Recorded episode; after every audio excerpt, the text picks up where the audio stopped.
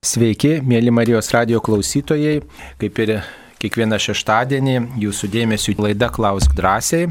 Šioje laidoje prie mikrofono yra kunigas egzorcistas, Kauno arkiviskupijos egzorcistas, Ruklos parapijos klebonas, kunigas teologijos daktaras Arnoldas Valkauskas, garbėjėzui Kristui.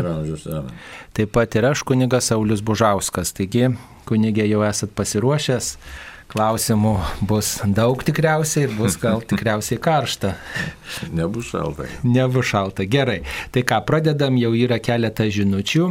Sveiki, iš karto klausimai sunkioja artilerija.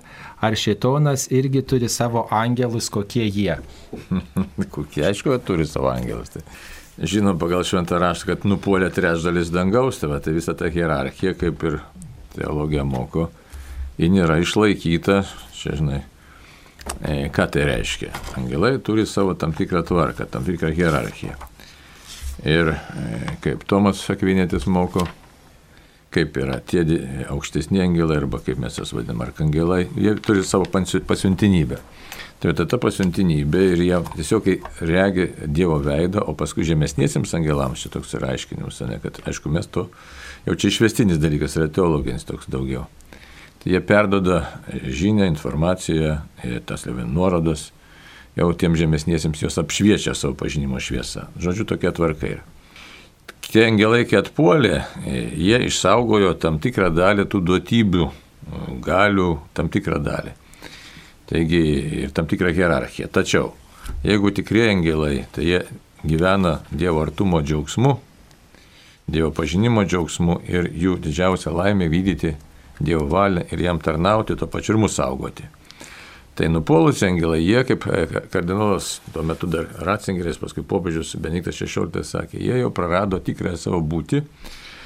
Jie ta, tapo tarsi nebūtis, todėl kad nupjovė savo e, tą tokį maitinimo šaltinį santykį su Dievu ir tapo piktosiamis dvasiamis per savo puikybę, tačiau tam tikrą dalį e, galių supratimo, pažinimo išsaugojo ir tam tikrą hierarchiją. Tačiau jų hierarchija pagrįsta nebe Dievo meilė ir nebe vienas kito meilė, bet maitinasi tiesiog neapykantą ir vienas kitą pajungia vienas kitam. Tai va, taip, taip, taip, kad kiek jų ten yra, nieks nežino, kokie ten yra, irgi neverta gilintis. Žinom, tai ateit kitų dvasios, kurios atsisakė tarnauti Dievui ir tarnauja iš tikrųjų piktajam ir tiesiog maitinasi neapykantą. Galėtų atsiversti teoriškai, ne, bet yra tiek apakę savo puikybėje, kad nebenori pripažinti savo klaidos. Tai tiek aš žinau čia, ar verta tęsti toliau.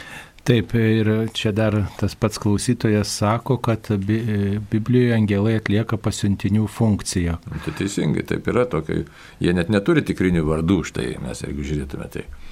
Tik taip tiek, kad mes žinome dabar žmonės labai linkę visokio, žiūriu, tokių ezoterinių dalykų prisišlėja prie bažnyčios mokymo. Ten visokių angelų, ten urėjas, tai panašiai nėra tokių angelų, šventam rašte yra tik tai trys angelų vardai. Arkangelas Mykolas, Arkangelas Rafaelis ir Arkangelas Gabrielis, reiškia, kurie definicijuoti bažnyčios ir ką jie reiškia. Kas kaip Dievas, Dievo tvirtovė ir Dievo medicina, Rapolas arba Rafaelis viskas tai mes į juos galim drąsiai kreiptis, jų užtarimo prašyti. Tai, o ten kiti tokie išvestiniai arba iš kitur, iš kitų ne, ne kanoninių, iš tikrųjų, arba net iš vis e, tokių knygų ateinantis vardai, jie nieko su tikėjimu bendro neturi, nors mes kartais galim rasti, ypač net ir ortodoksų literatūroje, tai įsipinė tokie dalykai, tai reikia šitų dalykų saugotis. Taigi dar, dar vis ateina klausimų apie angelus. Ar galėtume mūsų brangius artimuosius išėjusius amžinybėn įvardinti kaip angelus mus užtariančius ir prašyti jų užtarimo? Čia du skirtingi dalykai. Kaip angelus mes jų, angelais jų įvardinti negalim, nes jie yra visai kito sukurta būtis visai kitas e, nu, pašaukimas, paskirimas, mes esame žmogiški asmenys ir labai įdomu mes esam daug trapesni ir mūsų pažinimas daug menkesnis šiandien už angelų. Tačiau mūsų pašaukimas yra didesnis už angelus. Įsivaizduot, koks paradoksas yra. Ir tos galingosios dvasios, kurios tikrai Dievo veidą, jau žinom, jeigu arkangelai, cherubinai, serafinai regi, tai jie daug galingesni už mus, tačiau jie paskirti mums patarnauti, kad e, būtent čia yra paradoksas, kad štai mes pašaukti būti Dievo žmonėmis, tokį panašiai sukurti į viešpatį. Tai čia netęsim tos temos pernelyg, bet e, tai mirusieji nėra angelai. Tai reikia atskirti. Angelas yra su savo funkcija. Tuo tarpu žmogus turi savo vardą ir tiesioginį, pašauktas tiesioginiam santykiui su Dievu, po to, kai laisvai apsispręs savo gyvenimu visų. Tačiau turim mes e, e, šventųjų bendravimo tiesą arba dogmą. Ir ką ten pasakyta ir ką jinai reiškia. Tai reiškia, kad mes gyvėjai galime melsis vieni už kitus. Toliau, mes galime melsis už mirusiuosius, tai yra iš skaistykloje esančias sielas. Ir skaistykloje esančios sielos bei dangau, jau dangaus e, šventume, šventieji. Tai nebūtinai kanonizuoti šventieji, mes įsivaizduoti, kad kanonizuoti šventieji visi tie, kurie jau nuėję pas viešpatį, jie taip pat gali melstis už mus. Tai čia reikia pabrėžti, kad skaistykloje esantis taip pat meldžiasi už mus, tik jie negali melstis už save. Mes galim jų paprašyti. Tik tai vieną dalyką reiktų pažymėti. Nereikia mus pernelyg su tais mirusiaisiais bendrauti. Mes galim tik tai paprašyti ten tėvę Antaną ar tėvę Joną ar mamytę, mam, ten mamutę e, kokią Joaną ar Marytę, melskės už mane ir viskas. Aš melžiuosi už tave, tu meldiesi už mane. Viskas. Tuo ir baigėsi mūsų bendravimas. Taip. E, dabar dar keli klausimai apie e, Marijos radijo darbą. E, sekmadienį prieš dvi savaitės, rugsėjo 19 dieną, 12 val. Marijos radijas e, Mišes transliavo iš mažo Dzukijos miestelio Krosnos. Ar daug Marijos radijo kolektyvų pastangų pareikalavo ši transliacija? Na tai pirmiausiai, e, Krosnoj nėra tokios įrengta aparatūros, tai, kuri galėtų transliuoti šventasias mišes. Tai reikėjo vykti transliuotojui, kuris e, turėjo ten vykti daug anksčiau, nei prasidėjo e, iškilmė ir sustatyti aparatūrą, sureguliuoti garsą ir taip pat e, Ir taip pat reikėjo iš anksto sutarti, bent keletą kartų derinti dėl, dėl šitos galimybės. Tai ten buvo švento mato atlaidai, kiek aš atsimenu, ir E, ir tiesiog tokia galimybė buvo sudaryta, kad ir iš mažų miestelių turėtume galimybę išgirsti maldą ne tik tai iš didžiųjų miestų, e, tokių populiarių žinomų šventovių. Taigi E, stengiamės, e, kad įvairių žmonės turėtų galimybę e, išgirsti iš įvairiausių kraštų, įvairiausių miestų, miestelių tikėjimo žinę. Taigi. Bet darbo buvo, ne? Taip, žinoma, tai. tai darbo nemažai iš tikrųjų. Čia tie suderinimai ir tas vykimas, tai žinot, ir ištekliai, ir viskas čia susideda, bet po truputį bandom tą geografiją plėsti. Taip, mums paskambino. Juozas iš Vilniaus. Taip, Juozai, klauskite, jūs eteryje. Garbė Jėzui Kristui. Per amžius. Biški neišgirdo mano Jonas vardas. Jonas, gerai, gerai, Jonai, klauskite. Aš turiu tokį klausimėlį ar, ar pamastymą, teiskit, gal, gal, gal, gal netaip įsireikščiu. Kartais nueinu prie Faustinos namelio Vilniuje. Ir man tokia mintis kyla, kad vis tiek neįlinė vieta Lietuvoje, ar nereikėtų ten kaip nors ar kunigai, ar viskupai, ar tai valdybė, ar visuomenė, kaip nors labiau nu, į sudvasinti, sureikšminti, ar koplyčią kažką. Ten ir žmonių ateina, ir, ir, ir delegacijos yra susukti, nėra vietos, ar tokį kažkokį judėjimą daryti. Nu kažką, gal aš atleiskit labai klystu, bet kažkaip ar nemažai, per mažai ten kažkaip gal dėmesį. Taip, supratom, supratom. Na, nu, jūsų pasiūlymas tikrai vertas dėmesio, tai išgirsta į mūsų viskupai. E, čia apie tą vietą kalbate, kuri yra Vilniaus arkiviskupijoje, tai tegul Vilniaus arkiviskupija ir sprendžia štai apie tokios šventovės svarbą, reikalingumą, reikšmę. Na, matot, yra Vilniui daug bažnyčių ir tikriausiai juose vystomas vienai par kitaip Dievo gailestingumo kultas ir sudaromos sąlygos įvairių laikų žmonėms melstis. Tai, e, na, tikriausiai štai bus dabar sinodas netrukus ir daugybė žmonių galės pasisakyti kuo įvairiausiais klausimais apie bažnyčios gyvenimą ir, ir, ir tikriausiai ir bus gal proga ir apie tai pakalbėti, apie gailestingumo kulto vystimą, plėtrą, apie to žinios kleidimą visam pasauliui. Tai, e, tai tikrai jūsų pasiūlymas reikšmingas. Ačiū. Taip. E, dar čia vienas klausimas buvo apie angelų sargus. Dar žmonės e, rūpi. Žmonėms rūpi klausimas, kas pirmiau sukurti angelai ar žmonės? Mhm. Sunku atsakyti iš tikrųjų, dabar reiktų labai tiksliai žiūrėti šventą raštą, bet turbūt čia Šventam rašte apie angelų sukūrimą Jo. turbūt mes nerandame nerandam jokių užuominų, tai. tik apie žmogų rašoma. Čia tik tai manomai galim arba žiūrėti atskirų teologų nuomonę, nes žmogus žinom, kad kūrinijos viršūnė, tai kaip pagal pradžios knygą, žmogus jau sukurtas iš tikrųjų į pabaigą, nes jį galėtume taip kaip užbaigimas viršūnės, tai galima manyti, kad angelai ir reiktų manyti iš tikrųjų kad angelai pirmiau sukurti, nes į, tokių yra paaiškinimų, sakysim, kodėl piktoji dvasia, čia nėra absoliutus jie tokie daliniai paaiškinimai. Sakysim, kodėl piktasis vienas iš variantų, kodėl jis, aišku, labai norėjo nu- nupuolę, labai norėjo prilikti Dievui, bet kitas dalykas labai pavydėjo žmogų, kad štai tokie menkoje dulkėje Dievas įkūnijo savotiškai, galėtume sakyti, save, atspindi save. Tai va taip, kad čia toks būtų. Taip, dabar mums paskambino. Juozas iš Kauno. Taip, Juozai, klauskite Garbėjus. per amžius.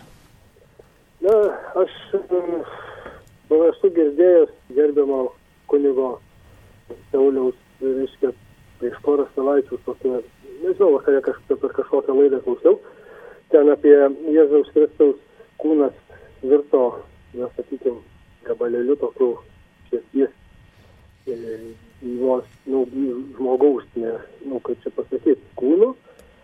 Ir, ir, ir, ir, o kraujas virto, o vynas virto krauju tam kunigui laikant mišes kažkokiam. Tai aš norėjau, gal jūs galėtumėte dar taigi per šitą laidą papasakot, tai aš manau, kad tai stiprina tikėjimą žmonėms. Tai jeigu, jeigu gerbiamas Saulis tai padarytų, tai labai ačiū būtų. E, Gal apie sapulko stebuklą, bet šiaip Taip. Šiaip tai kūnu ir krauju virsta kiekvienose mišiose iš tikrųjų. Tai va. E, Yra tų eucharistijos stebuklų tokių, kad, reiškia, regimų būdu matoma, ne, regimų būdu pasikeičia ta duona, mūsų akis tą mato ir, reiškia, ir vyno tas pokytis.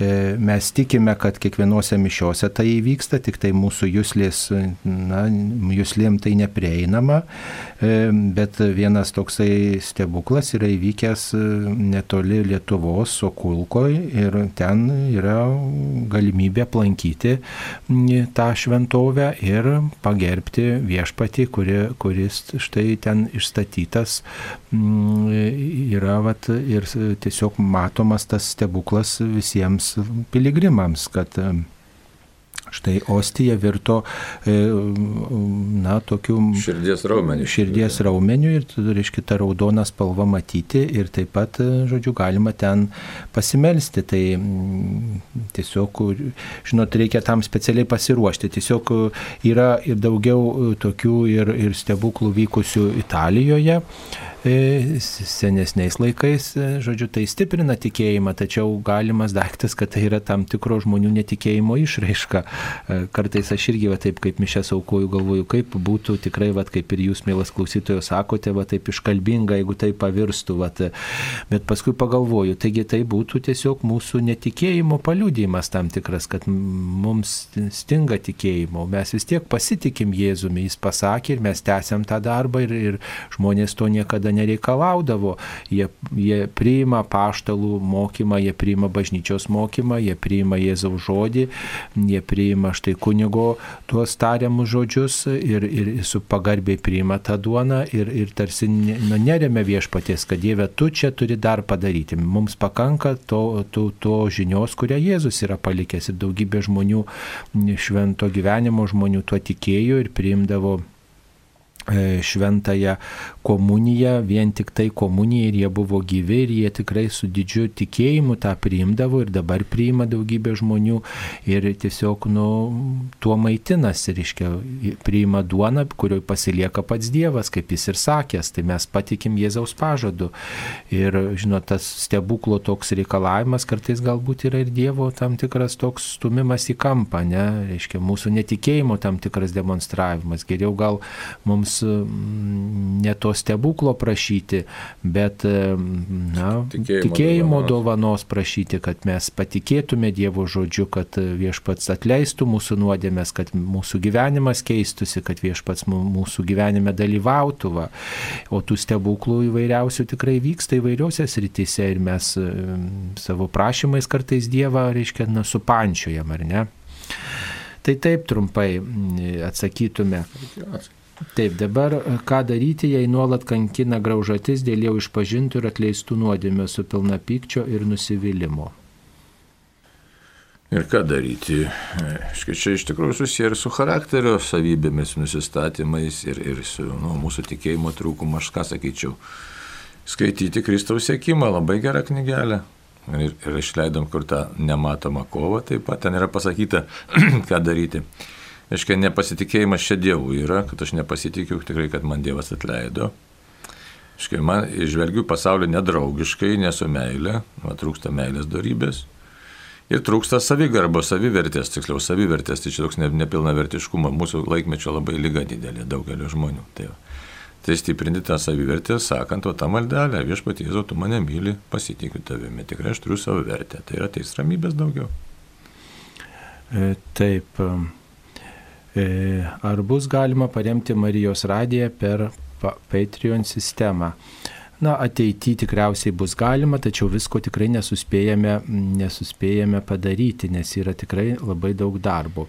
E, popiežius ragina suteikti prieglausti migrantam, bet negirdėti, kad Vatikanas prieimė apgyvendino kokią grupę migrantų. Bažnyčia turi tiek pustuščių vienuolynų, seminarijų, kodėl neparodo realaus pavyzdžio, o tik raginimą. Na hmm. tai nežinau, ar, ar tikrai Vatikanas nepriima. Manau, kad yra, e, yra tikrai tų iniciatyvų ir e, tikrai tas yra daroma vienokiu ar kitokiu masteliu. E, žinau, kad yra toksai kardinolas, dabar neprisimenu e, taip jo pavardės, kuris vadinasi popiežiaus išmaldininkas, kuris štai vykdo popiežiaus vardu įvairius gailestingumo darbus, susitinka su, su, su benamiais ir, ir tiesiog teikia paramą įvairioms grupėms žmonių, tai yra tikrai vykdomi tie gailestingumo darbai. Tačiau popiežiaus užduotis yra būti tuo dvasiniu, dvasiniu dvasiniu tuo e, tai ženklu, tuo vedliu ir perteikti Kristaus mokymą šių dienų vaikams ir, ir aišku, atlikti tuos gailestingumo darbus, tu, tu, rodyti pavyzdį, kaip jūs ir teisingai klausėte, bet e, tikrai tas mastelis yra daroma, yra, yra kažkoks ir ypač, reiškia, yra tos karito institucijos, kurios štai vykdo tuos gailestingumo darbus ir pavyzdžiui, Lietuvoje, Vilniaus arkiviskupijoje yra yra, reiškia, e, karitas e, tikrai turi nuo senai užsieniečių integracijos programą ir tikrai vykdo daug gailestingumo darbų. Tai... Bet to čia toks neteisingas matymas Vatikanas. Kas tas Vatikanas? Tai yra bažnyčia tiesiog. Jeigu žiūrėti politiškai, tai yra valstybė, tam yra savotiška labai nedidelė, bet iš esmės tai yra bažnyčios nu, centras Ir ką jie tiesiog e, sako, ką mes po truputį turėtume daryti, kiek įmanoma. Tai mes visi tą darome.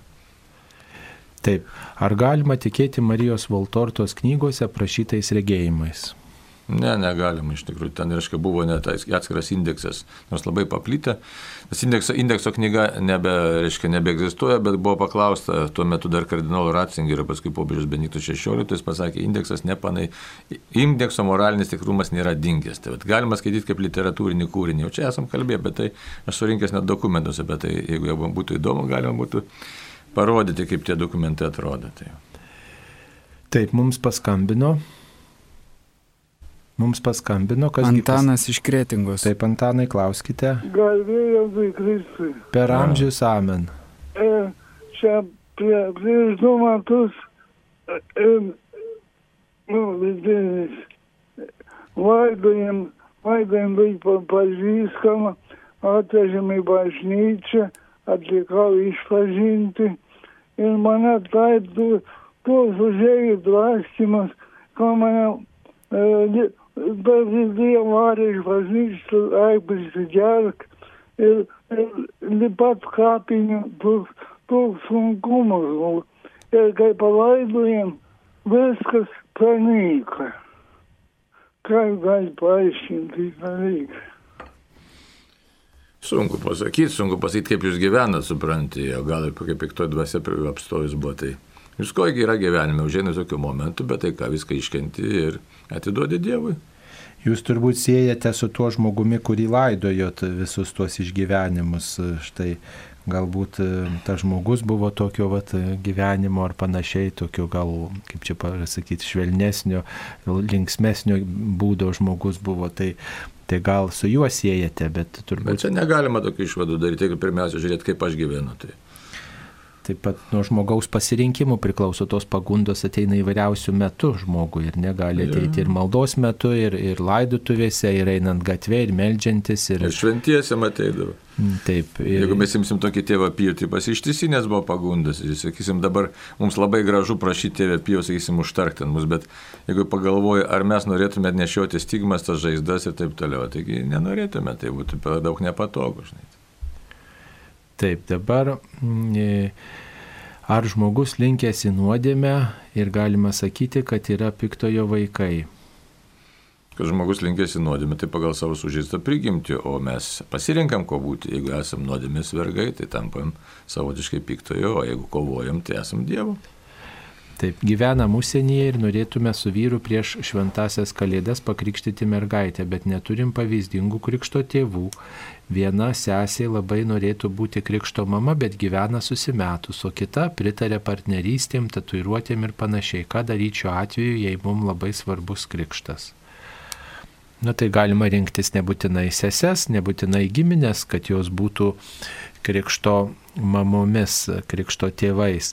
E, galima paieškoti ir plačiau, gal e, yra bendruomeniai tokių pavyzdingų žmonių galima paprašyti, kad jūsų kokie pažįstami draugai jais būtų, arba kokie kaimynai, ar dar kažkas, arba pasitarti su kunigu, kartais kunigas gali iš bendruomenės kažką paprašyti, štai ten, kur krikštėjate, galbūt ten atsirastų tokių žmonių, kurie apsijimtų būti tokiais krikšto krikšto tėvais tai jūsų mergaitė. Nebūtina čia susisaistyti su tai žmonėmis, kurie nekrikščioniškai gyvena, o, o reiškia, o jie yra tik giminės. Nu, tai jie visada bus giminės, bet jeigu norit pavyzdingų, tai ieškokite krikščionių bendruomeniai. Taip, Tai dabar e, dar viena žinutė. Ar dvasinė komunija pilnai atstoja sakramentinę, jei dėl alergijos tikintysis negali priimti sakramentinės? Niekada negali dvasinė komunija pilnai to sakramentinės, nes Jėzaus žodžiai, kas nevalgys mano kūno ir negeris mano kraujo, neturės savie gyvybės, tai čia taip yra.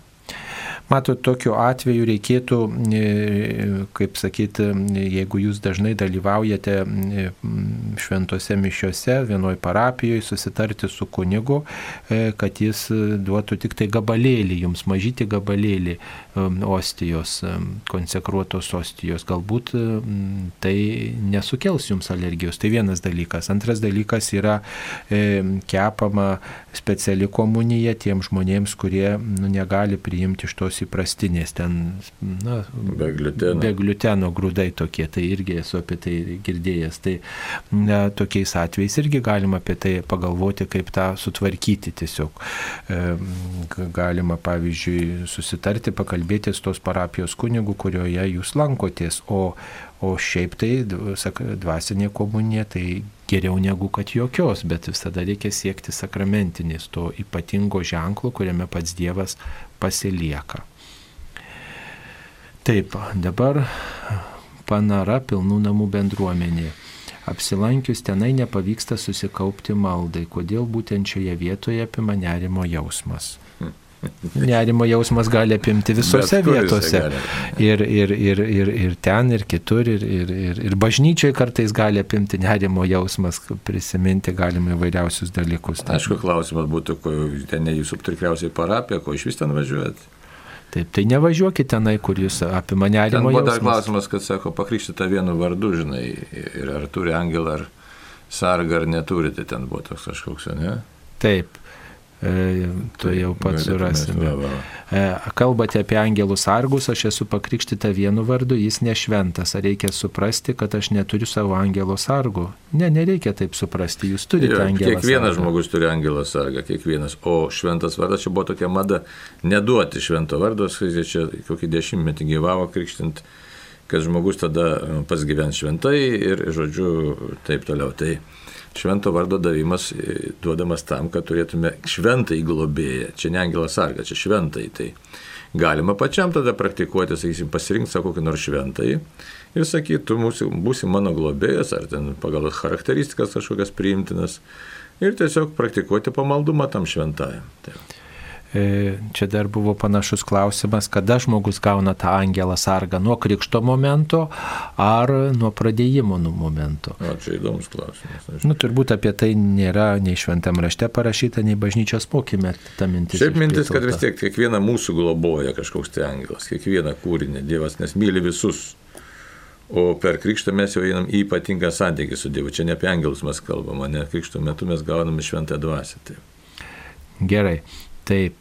E, Kaip atpratinti žmogų, kad jis nesikeiktų?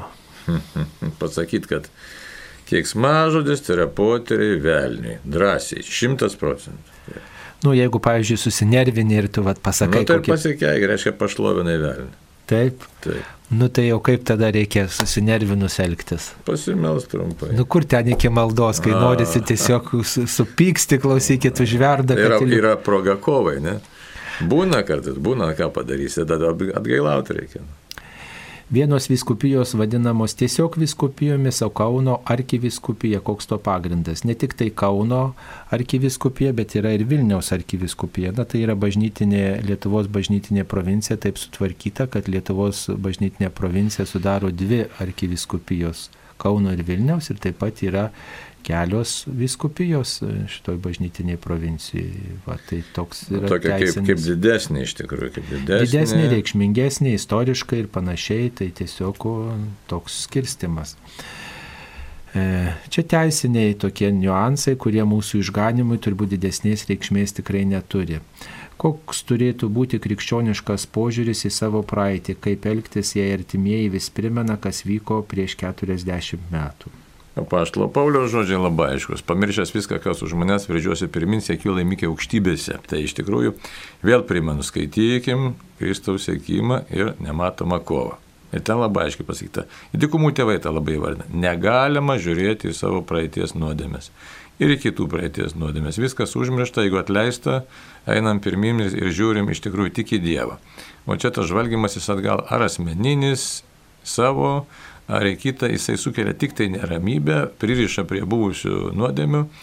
Jeigu norim ir pasižvalgyti tą savo nuodėmės ar kito, tai galim tik tai su atgaila ir padėkoti Dievui, kad štai Dieve tu mane ir per tokius mano gyvenimo vingius išvedė ir štai dabar aš dabar jau tave šlovinu. Nu, o jeigu kam labai patinka atgailauti, tai tegul atgailauja, bet ne su graužatim, o su didžiausiu pasitikėjimu Dievu. Tai vertėtų šitoje vietoje skaityti dykumų tėvų pasisakymus. Ir kaip dar kartą sakau, Kristaus sėkimas ir nematoma kova, ten labai aiškiai sustatyta. Nes šitaip mes patenkame į dvasinę neramybę. Tai. Taip, mums paskambino. Genovaitė iš Ukmergės. Taip, Genovaitė, klauskite, jūs Jėzui per amžius. Gavau laišką iš VČI Krikščioniškosios kultūros instituto Vilniaus Švento Ignoto gatvė. Ir čia dabar atsiuntė man ir rožinį, dėkoju. Ir atsiuntė čia tą maldelę, kaip priklauso Fatimos Dievo motinos maldeliai, e, rožių slėpiniai, rožinio slėpiniai, bet tie rožinio slėpiniai, jie yra sumaišyti, pavyzdžiui, visiškai nėra to e, šviesos slėpinių. Ar čia jisai, kad jie paklydo, ar čia dar kaip, nesupratau. Antra, yra ne, švenčiausios mergelės Marijos litanija, bet irgi tik tai ta, kur senoviškai naujų šitų visų nieko nėra. Tai ar čia negali būti kokia nors šiaip sekta, ar, ar čia yra priklauso, ar čia aš gerai, jeigu aš įnyksiu šitam, šitas maldas. E, nu, matot, jūs labai gerai pastebėjote, kad e, štai turi būti dabar pagal bažnyčios mokymą jau e, rožinės ne iš trijų, bet iš keturių dalių, reiškia, sudarytos ir tos nuo 2000 berots antrųjų metų popiežiaus Jono Pauliaus įvestos ir šviesos tos paslaptys lėpiniai ir, ir tiesiog matyt pasinaudojo seną medžiagą tas krikščioniškos kultūros institutas ir e, lygiai taip pat Marijos litanija seną medžiagą pasinaudojo. Taip matot, sena ta litanija yra ir senose maldaknygėse, e, kurios išleistos anksčiau, va, bet e, mes einam dabar su e, šio laikinė bažnyčia, dabar besimeldžiančia bažnyčia ir meldžiamės iš šitų tekstų. Tai gerai, kad jūs pastebite, jeigu galite, įterpkite ranką, įrašykite tuos kreipinius iš naujesnių maldaknygių ir naudokitės tais tekstais. Šiaip krikščioniškos kultūros institutas yra, yra pasauliečių bendruomenė, pasauliečių iniciatyva platinti Marijos apsireiškimų Fatimoje žinę ir tiesiog palaikyti krikščionišką šeimos sampratą ir tiesiog na, stiprinti pasauliečių tikėjimą. Tai tokia bendruomenė platina ir knygas įvairias, tai nėra ten klaidų, tik tai yra tokių gal netikslumų, kai, kai štai na, senesnė tokia vat, medžiaga platinama, bet iš esmės tai galima melstis, bet tik tai jau reiktų va, tuos netikslumus pataisyti. Jeigu galite, susisiekite su tuo krikščioniško kultūros institutu ir informuokite, kad štai jūs atsiuntėte tokią medžiagą, kuri dabar truputį gal šiek tiek yra senstelėjus, tai gal galite nesiųsti kitiems ir, ir tiesiog nuvat pataisyti. Mums paskambino. Juozas iš Kretingos. Taip, Juozai, klauskite. Garbėjai Kristui. Per amžius. Tokį klausimą turiu. Bažnyčioje per mišes, bendrai skaitant šventą raštą ar namuos meldant, labai užpuola žiaulys ar čia e, kokia dvasia yra, e, ar čia taip. Jo, panašu būna, gali būti, žinai, aišku, šiaip žmogus neįpratęs, gal jam nėra baisiai įdomu, bet tas žiavulys skiriasi, tai tas žiavulys, jeigu toks būna, kad tau tik tai įsižiūrėti reikia, tai toks būna, kad iš tikrųjų demoniškas trukdymas. Reikia žinot, kad dvasinė kova tikrai vyksta. Ir kai žmogus jisai meldžiasi, tai nepatinka veikėjai priešininkui. Tai va, tai Tai tiesiog būti kovo ir žinot, kad štai vat, kažkas ne, nesureikšminti to visiškai, aš tiesiog tęsiu savo skaitimą, aš turiu pasiryžimą, juo labiau, kad skaitant pusę valandos šventai raštą mes galim pilnyti atlaidus, jau kiekvieną dieną mes skaitome, tai taip, kad čia tiesiog pasinaudoti tą progą reikia. Tai ir, ir, ir drąsiai būti toj dvasiniai kovoje. Ar kenčia tik žmogus Jėzus, ar tie trys viename asmenyje už mūsų nuodėmės? Jeigu ir trejybė, tai ar visi po lygiai, nes tik tėvas sūnum, su sūnum organizavo politiką, dvasia tik pasiuntinukas. Nu, dvasia nėra pasiuntinukas. Mes čia paliečiam trejybę, kurią niekas neatsakys, nes čia, kaip sakyt, niekas to nežino, tačiau Ką reiškia kenčia sunus? Sunus, reiškia, iš tikrųjų yra prisikėlęs. Tai mes už tai, kai kalbam dabar apie sunaus kančią, apie Dievo, tai čia toks labai sąlyginis dalykas. Ir kenčia, ir nekenčia. Jėzus yra prisikėlęs, yra pergalės viešpas. Jam gal skaudu žiūrėti ir toliau klystantį žmogų. Tai mes šitas vadinams apropriacijos principas. Tai tėvas, sunus ir šventoji dvasia. Iškia, tėvas siunčia sūnų į pasaulį, gimsta sūnus, aiškiai E, tada siunčiama šventoji dvasia, kuri testų Jėzaus darbą, tai vienas žodžio išganimas priklauso vienam trybei Dievui. Ir šventoji dvasia nėra pasiuntinys, nes jeigu mes žiūrėsime pradžios knygą, net tai dvasia plevena virš vandenų, tai yra irgi kuriejas. Ir tas e, štai e, daug tokių prasmių turintis šventosios dvasios įvardinimas. Tai ir, ir dvasia godėja, ir gaivintoja, ir, ir, ir taip toliau. Ja, taip, užtarėja, ja. labai daug, apie 20 gal įvardinimų, ir aišku, visko mes neišreikšim, tai už tai vienas tarybė Dievas veikia. O, vis, aišku, kaip padalinti, kam skaudu, kam neskaudu. Dievui skaudu iš tikrųjų dėl savo kūrinio žmogaus ir iš išganimo darbas skirtas paklydusi žmogų susigražinti savo pačiam, bet, bet mes paprastai sakom tėvui tave. Tai dabar e, kaip apie tą kentėjimą, čia toks yra labai E, nu, toks slidus dalykas dogmatiškai. Tai Jėzus yra prisikėlęs, jis yra nugalėjęs, iš tikrųjų Dievas yra nugalėjęs. Tačiau jam į savo tą vaiką, savo kūrinį žvelgiant yra skaudu ir mes galėtume sakyti, kad mes savotiškai savo nuodėmėmis toliau žaidžiame Kristus. Kristų, bet kokį Kristų mes žaidžiame, ar prisikėlusi, ar Kristaus kūną, kuris mes esame. Nes mes esame Kristaus kūnas, tai mes toliau jį žaidžiam ir savo nuodėmėm kankinam nu, savotiškai kalam Jėzų prie kryžiaus, ne? bet tai, aišku, mes Dievo nepaniekinsim ir jeigu mes nieko nepridėsim ir netimsim, ir ta didžiaja prasme, nes Dievas yra nekintamas, tai, tai šitą reikia žinot, tik tai tiek, kad mes, aišku, savotiškai paniekindami Dievo darbą, tą atliktą išganimo darbą mes nuskriaudžiam labiausiai patys save nu, ir, ir prisidam prie šitono darbų, pasityčiam iš tikrųjų savotiškai iš Dievo. Bet vėlgi, galutiniam rezultate pralaimi ne Dievas, pralaimi mes, tiesiog pralaimi e, tas, kas pasirinka neteisingai. Tai, tai čia tu už tai nepasakysi, kad kenčia ar nekenčia. Jis, nu, taip, kaip išganytojas, kaip tas, kuris padarė, jeigu taip žmogiškai žiūrėti, taip, jam labai skaudu žiūrėti į savo atpirktą kūrinį, kuris toliau e, klaidžioja e, baisiuose sutemuose. Tai, va, tai, tai Dievo kantrybė, mes bandom savotiškai Dievo kantrybę, bet iš tikrųjų Dievo mes pažeisti negalim. Tai štai toks išlieka. Kaip išganytoje mes jį skaudinam, bet kaip Dievo kurieja ir visą gali tai mes jam nieko, kaip sakyt, padaryti negalim. Pagal bažnyčios mokymą ten, kur yra ir veikia vienas švenčiausios trybės asmo, ten veikia ir visi kiti. Tai galima sakyti, kad Jėzus kentėjo ant kryžiaus, taip pat švenčiausiosios trybės kiti asmenys nebuvo kažkur e, atsitolinę, nebuvo kažkur e, užsijimantis savo veiklą, jeigu taip žmogiškai suvokiame. Ja, bet čia tas apropriacija mes bandom padalinti Dievą tiek, kiek mes eidami tokią paslaptį, kuri yra neišreiškima, čia reikia pripažinti ir nutilti iš tikrųjų. Taip, mums paskambino. Veda iš ukmergės. Taip, klauskite. Garbėjai Kristai. Per amžius. Aš noriu paklausti gerbiamo teologo, kunigo, kurį gerai pažįsta Arnoldo Valkausko, tokį vieną reikaliuką. Aš skaičiau apie Faustiną, jinai buvo karštos dvasios, tokia kovotoja, umi, nu ir Dievas ją išrinko galėsigumo paštelę.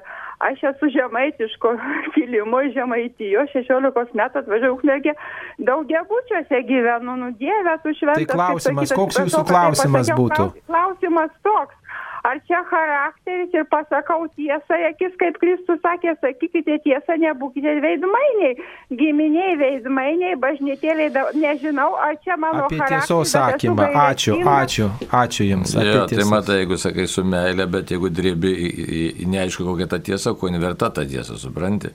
Čia yra ar pagal Dievą tiesa, ar pagal mane tiesa, žinai. Tai ar tame yra meilės, ar tame nėra meilės. Tai reikėtų labiau skaityti šventą raštą ir galvotą, nes prikalbėti mes galim daugą, tiesiai akis pridrėpti.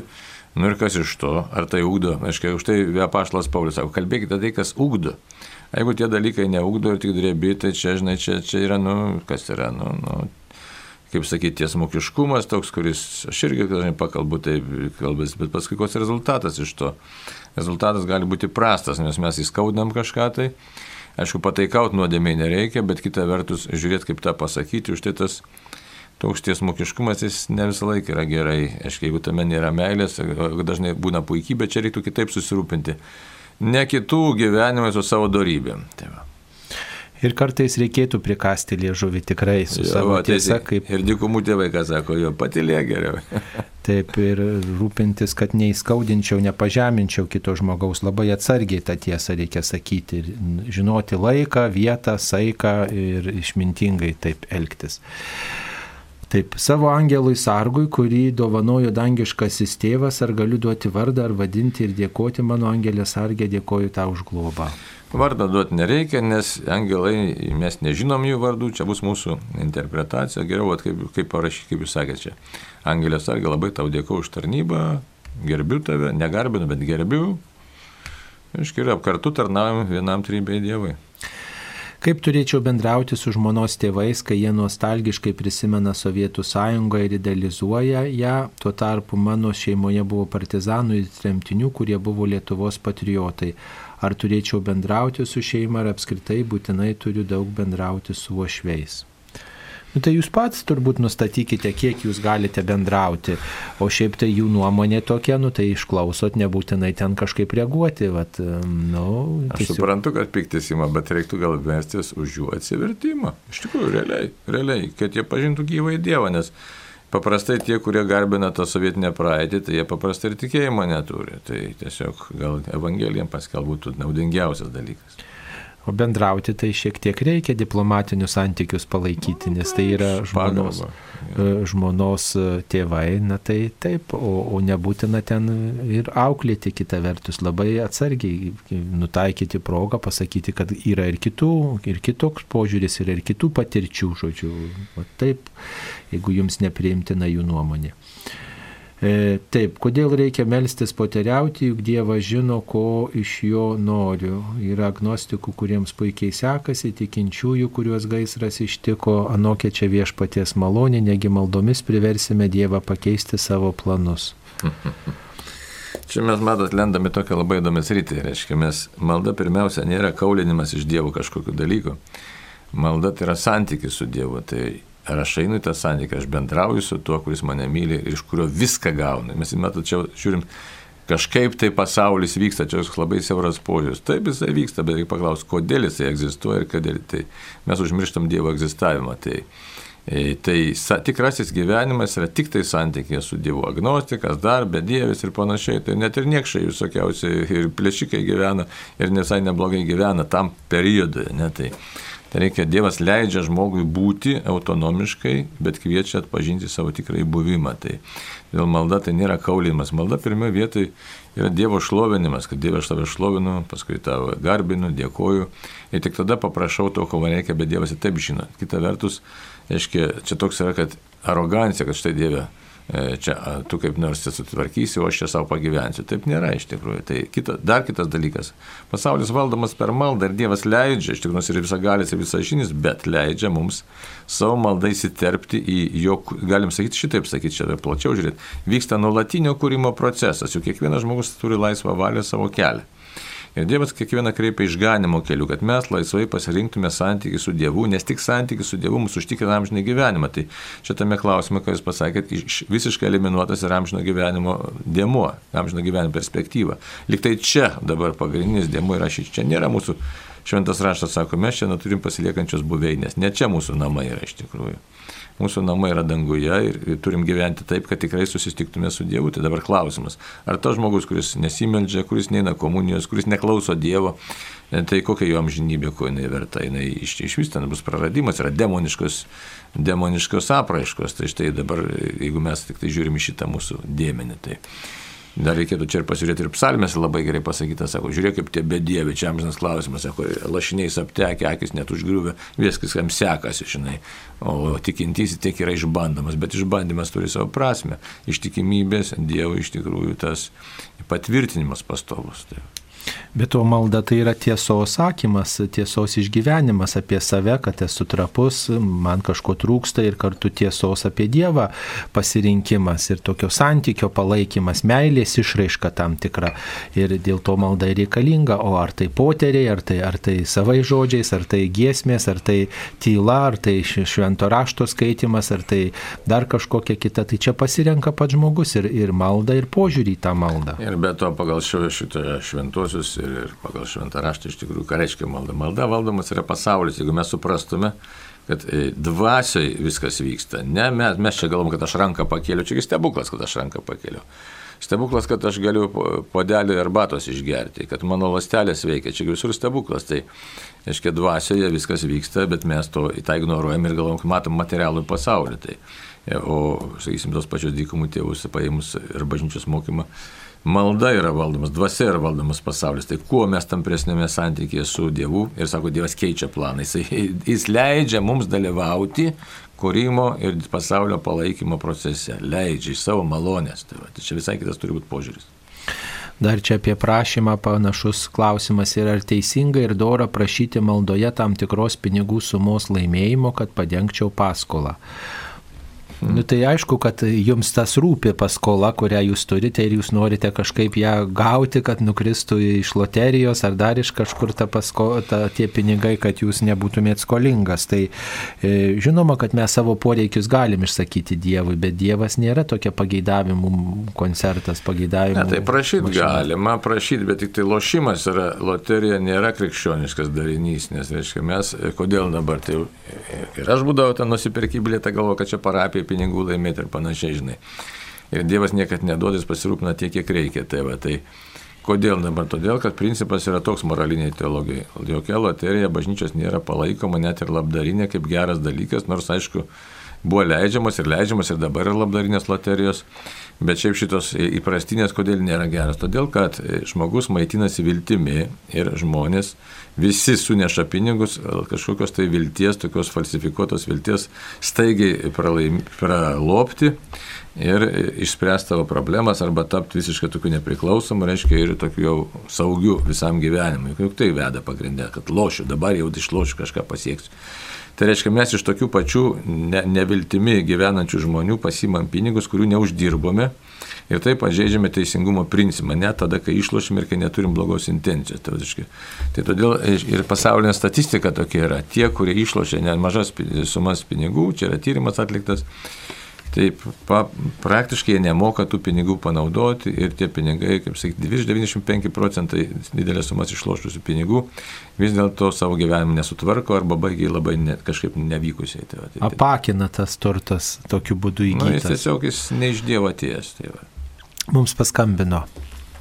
Genovaitė iš Vilniaus. Taip, Genovaitė, klauskite. Garbė Jėzų Kristų. Per amžius. Visų pirma, noriu pasakyti, kad labai myliu jūsų radiją. Ir noriu paklausti, domina mane viskas. Kiekvieną dieną per po vidurnakčio užmiegu tik tai išklausiusi rožinį. Tai vienas dalykas. Antras dalykas, mane labai žavi adoracijos.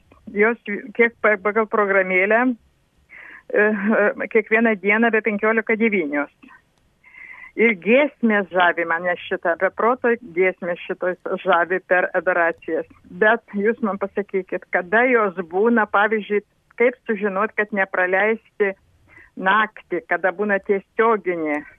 Kaip žinoti, kada būna, kad niekada paskelbė, čia programėlė to neparašom kada būna jos tiesioginės. Nu, matot, yra toks, reiškia, pirmas mėnesio penktadienis, pirmo mėnesio penktadienį būna adoracija, naktinė adoracija iš gailestingumo e, šventovės Vilniuje. Pirmą mėnesio penktadienį. Tai yra bažnyčiai toks pamaldumas, pirmą mėnesio penktadienį švenčiausiai Jėzaus širdį. Tai štai pirmo mėnesio penktadienio vakarą prasideda pamaldu, to, ta adoracija e, gailestingumo šventovėje ir, ir ją transliuojame.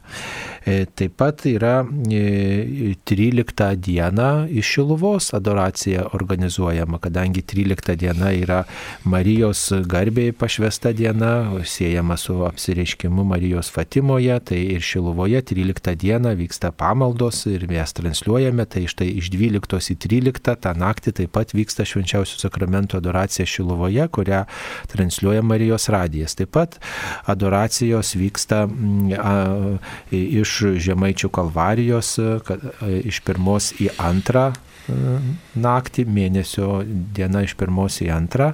Ir kadangi antra diena yra mažieji atlaidai Žemaičių kalvarijoje, tai ir vyksta toji, toji adoracija, laukiant antros dienos mažųjų atlaidų. Na va, tai yra dar kelios tokios adoracijos iš į aštuntą dieną, iš iš Šiaulių, kur yra gerbiama, ypatingai pagerbiama nekaltai pradėtoji mergelė Marija, tai štai galima tokiu būdu vat, ir sekti tas adoracijas, o šiaip tai, jeigu nuolat klausote, sekite programą, apie tai nuolat skelbiama. Mums paskambino. Alfonsas iš Šiaulių. Taip, Alfonsai, klauskite. Garbėsiu Kristus. Per amžius. Čia buvo kalbama apie tai, kad mes įžeidžiam Dievą. Nu, betgi Dievo išeiti negalima. Tėvas yra tobuliausia būtybė, kaip pavyzdžiui Saulė. Nu mes galim ant Saulės spjaudyti kiek norim. Viena močiutė net su matiku šauko ant Saulės, kad įkaito galva. Niekaip savo, gali visi pragarai sukilti neįžeistos. Taip, nuodėmė yra tik dieviškumo tauka, tai yra šešėlis argi šešėlis yra nuodėmė, tai yra tik saulės spindulių tauka. Taip ir dieviškumo tauka yra tik nuodėmė. Taip, ką mes vadinam įžeidimu. Taip, supratome. Ar, ar turit ką paklausti, Alfonsai?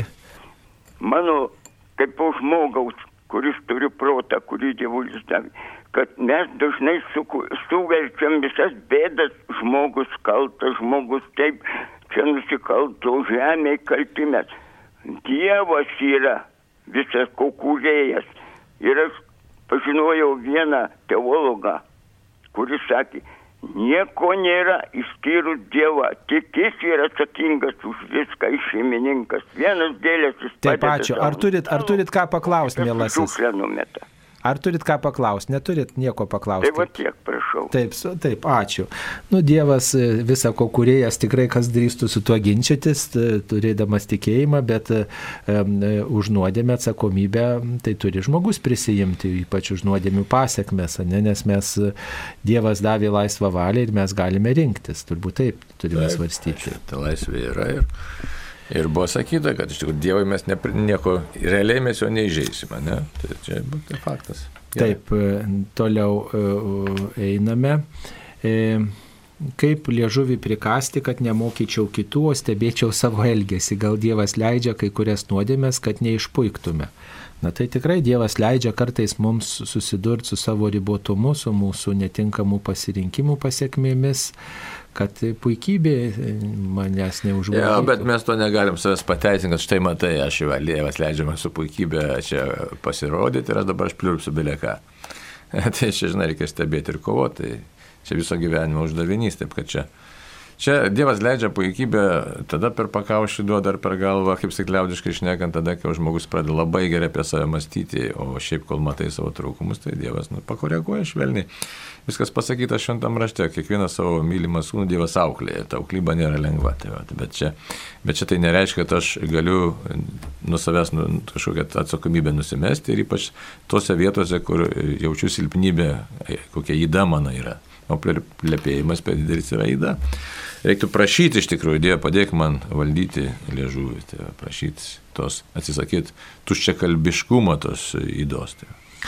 Taip, dar vienas jautrus klausimas, ar galėtų kunigas duoti nuodėmių išrišimą, jei gyvename antroje santokoje, bet intimių santykių neturime. Matai, ką reiškia intimių santykių neturim. Čia reiktų realiai sakyti šitaip, ar gyveni kaip brolis ir sesuo.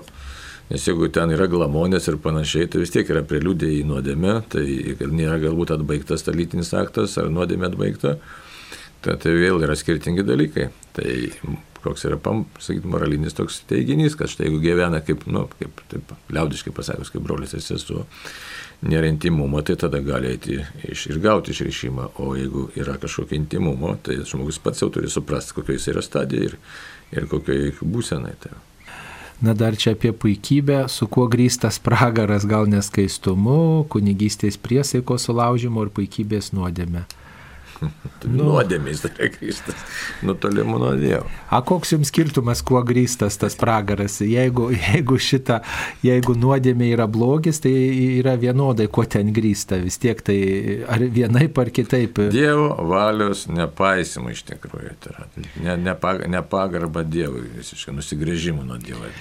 Ar vienaip ar kitaip nuodėmė veda į pragarą ir kuo ten grįstas, kuo ten sienos išklotos, kuo ten grindys, ar, ar, ar ten iš ko tie katilai padaryti, turbūt nėra skirtumo. Svarbiausiai žinoti, kad tai yra nutolimas nuo Dievo, Dievo e, žodžio atmetimas, Dievo įsakymo nepaisimas, e, va, Dievo tvarkos atmetimas. Tai aišku, puikybė yra viena iš didžiausių nuodėmių ir praktiškai kiekvienoje nuodėmė yra puikybės grūdas. Tai, tai tą labai svarbu atpažinti.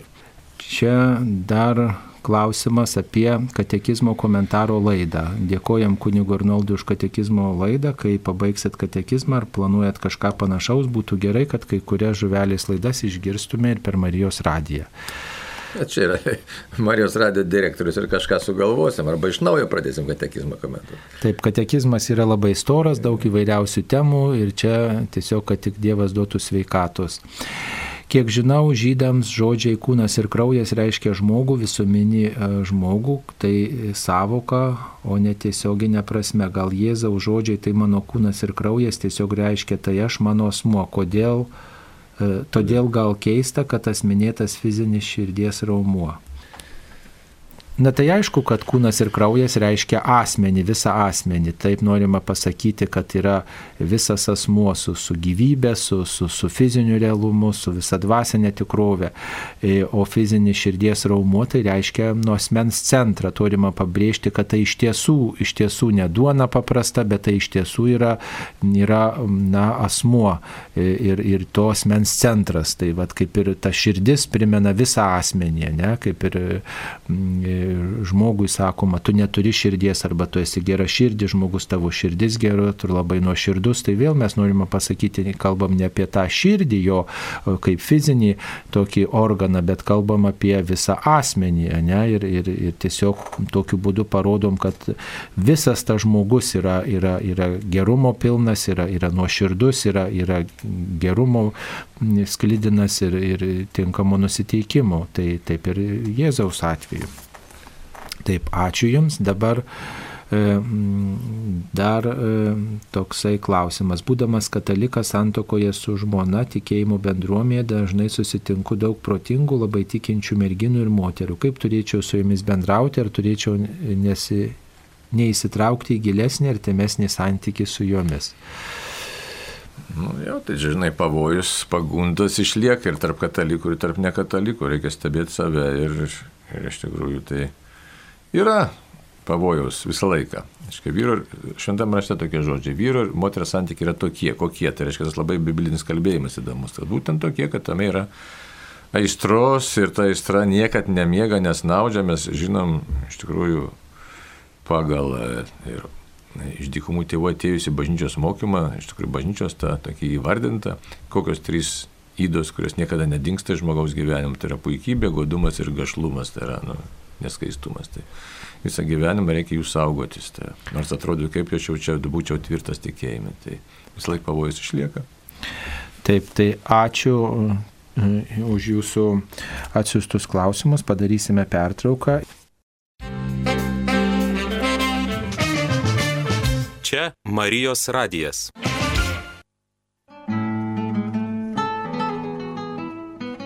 Mėly Marijos radio klausytojai, Euharistijoje esantis viešpats nuolat laukia mūsų, kaip ir Marijos radijos savanoriai, su kuriais prieš ar po mišių galėsite susitikti šią savaitę šiuose šventovėse spalio 3 sekmadienį Kaune švenčiausios Jėzaus širdies bažnyčioje, kur vyks Šventojo Pranciškaus Asižiečio atlaidai, Alituje Šventų Angelų sargų bažnyčioje, kur vyks tituliniai atlaidai, Trakuose švenčiausiosios mergelės Marijos apsilankimo bazilikoje, Šilutėje, Šventojo kryžiaus bažnyčioje, kur lankysis ir Marijos radijo programų direktorius kuningas Saulis Bužauskas.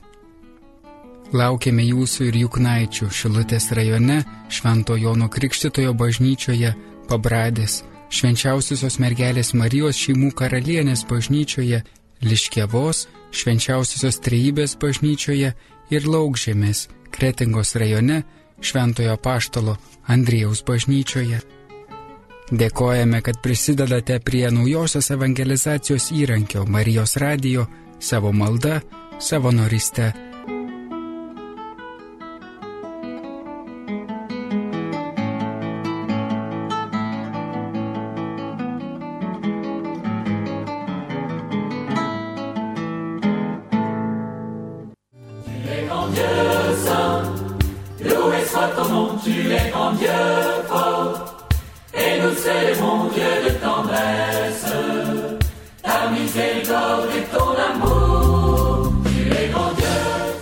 Pokalbių laida Klausk drąsiai.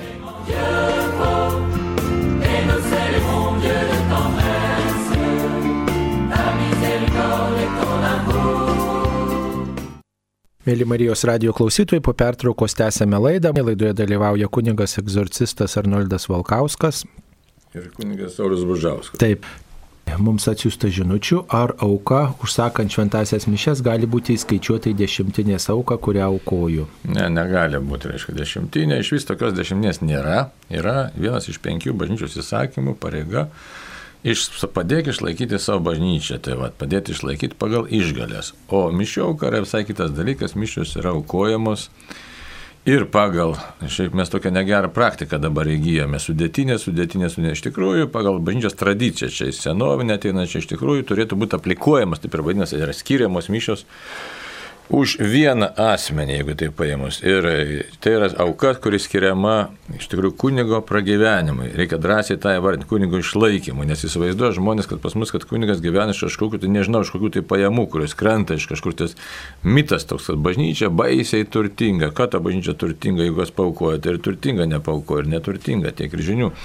Už tai visko paaišleido raštą, nežinau, Kauno viskupė kiek ten buvo minimali ta vadinama stipendija, auka 20 eurų, reiškia dabar, jeigu norint užsakyti atskiras mišes, tai įsivaizduoti, tai va toks yra, toks, kad galėtų kunigas bent kažkaip pragyventi, tai va tok, tokia situacija, tai nėra čia kažkokie dideli pinigai ir, ir O iš sudėtinės gaunasi, kad taip, mes sukakumuliuojam kažką, tai šiek, šiek tiek paukoju, šiek tiek neaukoju, ir ten kokį eurą, kas daugiau, nu, tuo metu liktai kunigas pasidžiaugia, paskui visą savaitę jis neturi iš vis mišių, tai visiškai nenormali situacija susiklostė. Tai reiškia atskirti tos pinigus, kurie pinigai mišioms.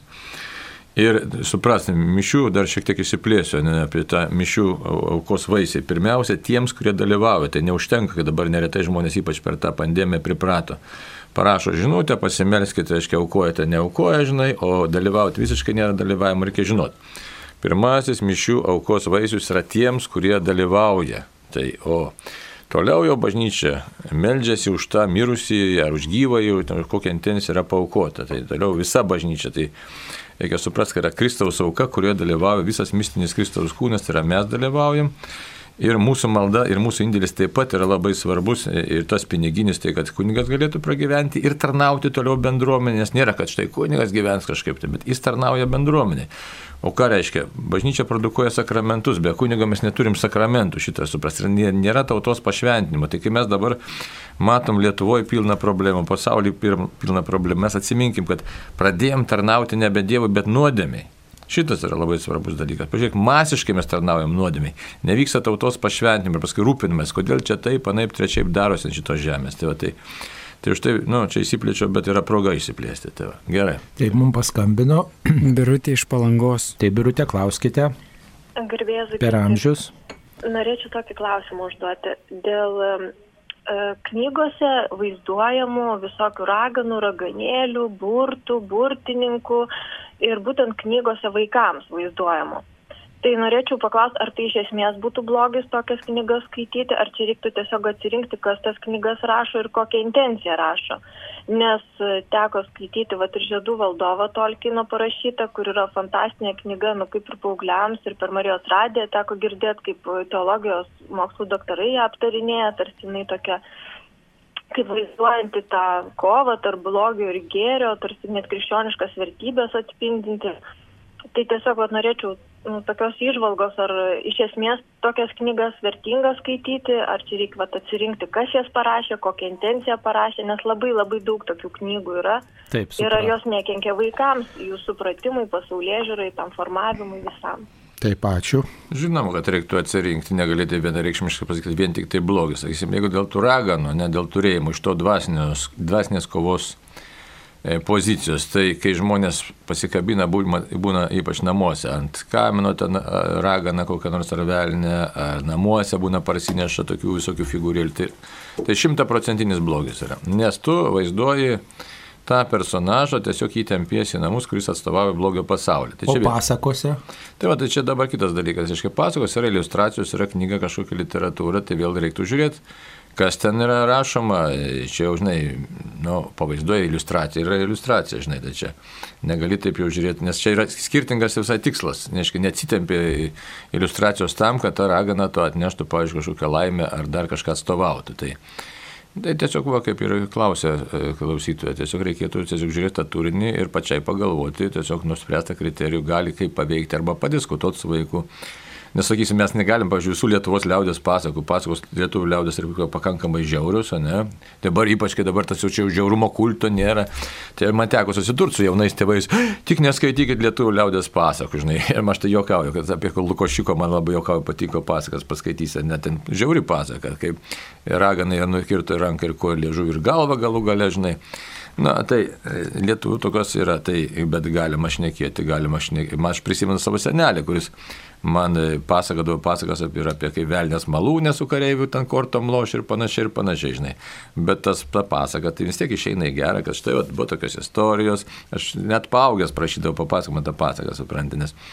Bet žinau, kad mano senelis tikintis, ta pasaka viso labo yra pasaka, liaudės kūryba ir išeina vis laikai tai, kad, nu, tiesiog e, su Dievu einant viskas išeina į gerą, nu, toks, toks kontekstas visai, visai kitoks. Tai, tai dabar, nu, kaip sakyti, už tai elementų įvairiausių yra, sakysim, mūsų kultūroje ir visko nubraukti negalime ir visko primti negalime. Tai Tai tiesiog, aš manyčiau taip, gal kunigas. Reikia kalbėti apie blogio ir gėrio kovą, ne visuomet, kad ragana, velnės primena tą blogio pasaulį, bet yra gėrio pasaulis, kurį mes turim sąmoningai pasirinkti, turbūt vat, apie tai reikia kalbėti su vaikais, ar ne, bet sąmoningai tų raganiukų, velniukų nereikėtų temti. Jokių būdų. Nors, pavyzdžiui, vat, Kaune yra Velnių muziejus. Nieko ten gero. nu, va, matot. Tai... Sakys, mane, dabar mane apšauktų antikultūrininkų, bet tikrai nieko gero. Nu, tai yra blogio sankaupa, tai nereikėtų turbūt kolekcionuoti velnių ir raganų ir visokių ženklų, ar ne, nes e, ypatingai, kai žmogus ne, neturi krikščioniško tokio tvirto pagrindo arba jo ne, netvirtina, nestiprina, tai tada gali būti tai galimybė. Žiūrėk, jeigu tam ta graži pasaka, nesakysim, iliustracija, kad ragana ten ar piktasis ar panašiai, bet žmogus Dievo vedamas, tas geras vaikas kažkoks ten elenytė nugali, nu, tai yra pergalės iliustravimas, ne, tai vėl kitas dalykas. Nu, tai taip sakyčiau. Taip, mums paskambino. Kristina iš Vilniaus. Taip, Kristina, klauskite. Garbėjus. Per amžius.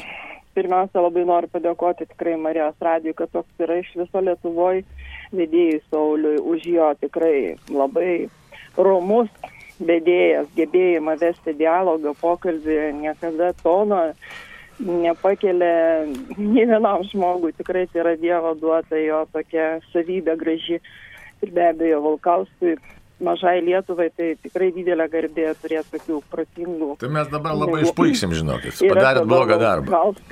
Klausimą, noriu užduoti dėl akedijos, bet kaip jums atrodo, e, ar yra kažkoks žmogaus gyvenimo tarpsnis, kur labiausiai jinai veikia galbūt, e, ar tai yra vidurinio amžiaus žmonės, ar vyresnio ir, ir tarkim, kaip žiūrite tą dalyką, sėdėjimas tos socialiniuose tinkluose, tiesiog ypač tai vaikam labai yra pavojinga. Aš retkarčiais atrodo, kad mes to visi išeisime tą virtualią erdvę ir realiam gyvenime nebeliks normaliai bestančių gyvenančių žmonių. Tai va tiek norėčiau, ačiū labai. Ačiū už gražius žodžius, tikrai tai dabar apie kėdiją. Turbūt vis, viso gyvenimo čia yra kova. Bet sakyčiau, apie pusamžį tai gal ir labiau užpuola tą kėdę, jau kai tu, žinai, jėgos silpsta, patirtis gyvenimo sus, susikaupia, tu, kaip sakyti, tu tokio natūralios jau jėgos tokios nebėra ir tų hormonų mažiau. Ir sveikata silpsta, tai ypatingai prisartina tas. Nu, aš, aš ir jauniems žmonėms pasitaiko, bet na, į antrą pusę gyvenimo tai ypatingai. Tai, jeigu taip praktiškai pastebėjus, negalėčiau tokių absoliučių daryti, bet pagal tą tokį, tai, va, tai tikrai, o, o kartais labai susitapatina kėdė su nerimo būsena. Tai. O dėl tų virtualių tinklų, tai aišku, jie tai visą suėda gyvenimą, aš tai dabar, aš asmeniškai stengiuosi riboti kiek įmanoma.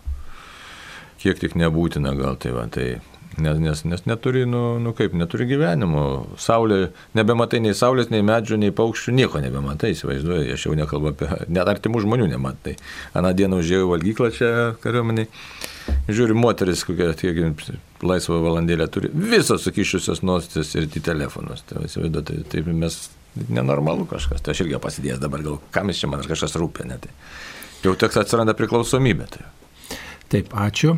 Be komunijos nebus gyvybės. Tai kaip su Basanavičiu ir Kudirka, jie visiškai agnostikai, bet davė Lietuvai amžiną į gyvenimą. Čia pirmiausia, išvada neteisinga amžiną gyvenimą Dievas davė. Dievas leido jiem prisidėti kažko prie tautos atgimimo. Ir tuo metu reikia atsiminti, reiškia, tais metais Tai už tą kovą ten vyko irgi vieni su tikėjimu, kiti tuo metu buvo labai paplitęs laisvamanių judėjimas. Tai labai gaila, kad ten na, Kudirka kaip Kudirka ar Basanavičius, ten, ten aiškiai, kam jie priklausė, kokiems ten laisvamanių daugiau daug maž judėjimams, juk ten ir tautos giesmę sustatant buvo mintis, ne, nestatė, kol ne Saulė Lietuvoje tamsumas prašalino, bet Dievas Lietuvoje tamsumas prašalino. Iš tikrųjų tokia diskusija buvo. Ir būtų labai prasminga, jeigu būtų iš tikrųjų Dievas, ne dabar kaip Saulė gali Lietuvoje tamsumas prašalinti. Niekaip negali. Kokias tamsumas debesis, nu kokia čia. Bet buvo primtas tas sprendimas toks, kad va, štai Saulė Lietuvoje tamsumas prašalina. Tai tokį himną mes šiandien ir turime. Tai Kaip su juom žinojo gyvenimo niekas nežino. Čia vieno Dievo yra prerogatyva, bet kad jie šitoje vietoje apsiriko, tai galim drąsiai pasakyti. Ir jeigu būtų buvę Dievo daugiau mūsų Lietuvoje, tai reikia manyti, kad taip pat ir, ir gal istorija būtų pakrypusi kitą linkmę. Tai, tai žiūrėkit, mes kiek turim bėdų ir su Klaipados kraštu, na čia Dievą atsiemė Lietuva, pasiemė, bet Vilniaus okupuotas, kiek buvo paskui okupacijos, trėmimai ir taip toliau. Aš nenoriu, pažiūrėjau, krypti tokius, ne, nu, tokius neprobotus e, vizijas įvairiausias, bet, bet mintis kaip ir Oskaro Milašius, ten, aišku, kiek jisai pats neaišku, kokiam jėgom atstovavo, bet mintis ta perspėti, kad Lietuvoje tikrai įsigalėjus tuo metu buvo kas? Bedėvybė, abortai ir homoseksualumo nuodėmė kariuomenė. Tai tokia jau buvo jo vizija ir kad už tai Dievas nepalieka, aišku, savo kaip sakyti, na, nenubaudęs, jeigu tai pasakyti, na, nenubaudęs ar neleidęs tiesiog patiems nusibausti už, tokias, už tokią neištikimybę Dievui. Tai tiek. Aišku, tai, galim nu, plėsti apie Kudirką arba Sanavičių ten dažnai. Tegu Dievas, kaip sakant, būna jiems maloningas. Tas pats Muzinavičius, kuris kūrė, reiškia, iš tikrųjų tą Vilnių muziejų irgi, irgi iš tikrųjų nebuvo tikinti žmogus, buvo atstovaujantis laisvamanis, nors labai gražius paveikslus tapė ir, ir taip toliau. Tai. Taip, mums paskambino Marijona iš Pakuonio. Marijona, klauskite. Garbėjus Kristai. Per amžius. Dėliausių gerbėmiem kunigam, aš dėl tų patyčių, kai žmonės pasityčioja. Dabar mūsų čia Pakuonio parapijos yra toksai žmogus metalistas, niekada nesiprausęs. Ir, ir, na, yra vienu žodžiu, toksai žmogus. Ir patyčiomis pakabino ant šventų kryžiaus tris užmuštas kates. Dieve mano, tai aš melžiuosi rožinį, kad nors kiek Dievą atsiprašyčiau ir parodė Dievas vaizdinį, paskutinį teismą. Taip, melžiausi iš tą žmogų.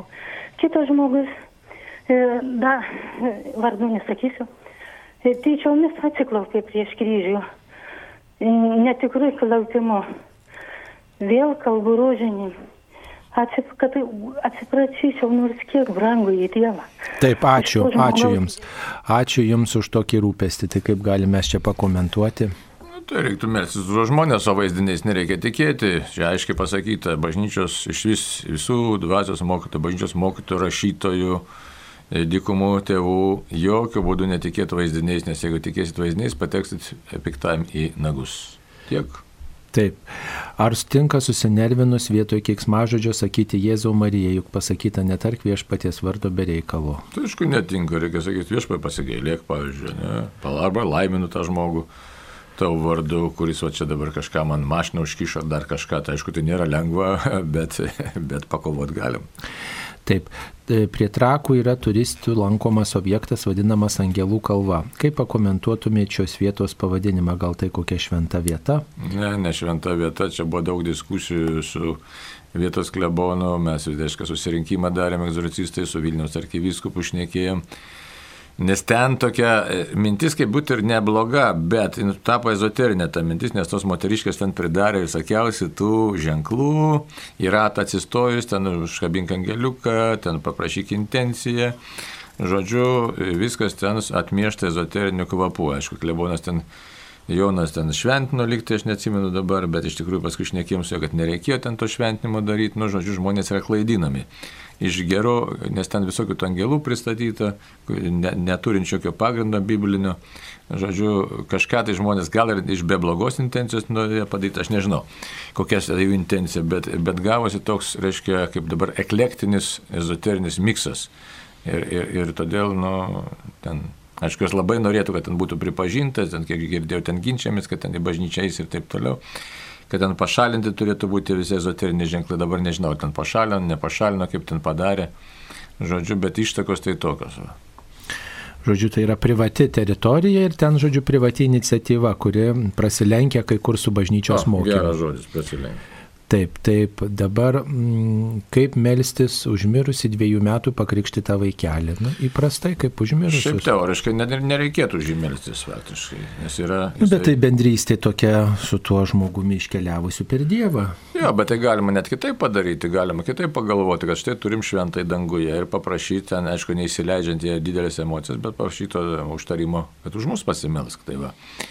nu, toks, toks ryšys turėtų būti, toks, nu, kaip sakyt, Nes kartais emocijos gali užvaldyti ir žmogus gali nu, mama ar tėvas jos labai įsijausti ir pradėti ten bandyti bendrauti. Šito nereikėtų daryti, tu vengti. Šiaip tai reikėtų melstis už įvairius mirusius, ne tik tai susikoncentruoti už vieną kažkurį tenai, ne mes, pavyzdžiui, išvardinti galim įvairius giminės mirusius ir tą vaikelį, ir mirusius senelius, ir, ir kaimynus, ir giminės, ir įvairius žmonės, ir tikrai visiems visus prisimenam, ir, ir tada nebus kažkokio nei emocinio tokio, um, kažkokio nukrypimo, nei kažkokio sureikšminimo, Dievas tegul mato mūsų troškimą gera linkėti iškeliavusiems ir tą troškimą su Dievu ryšį palaikyti.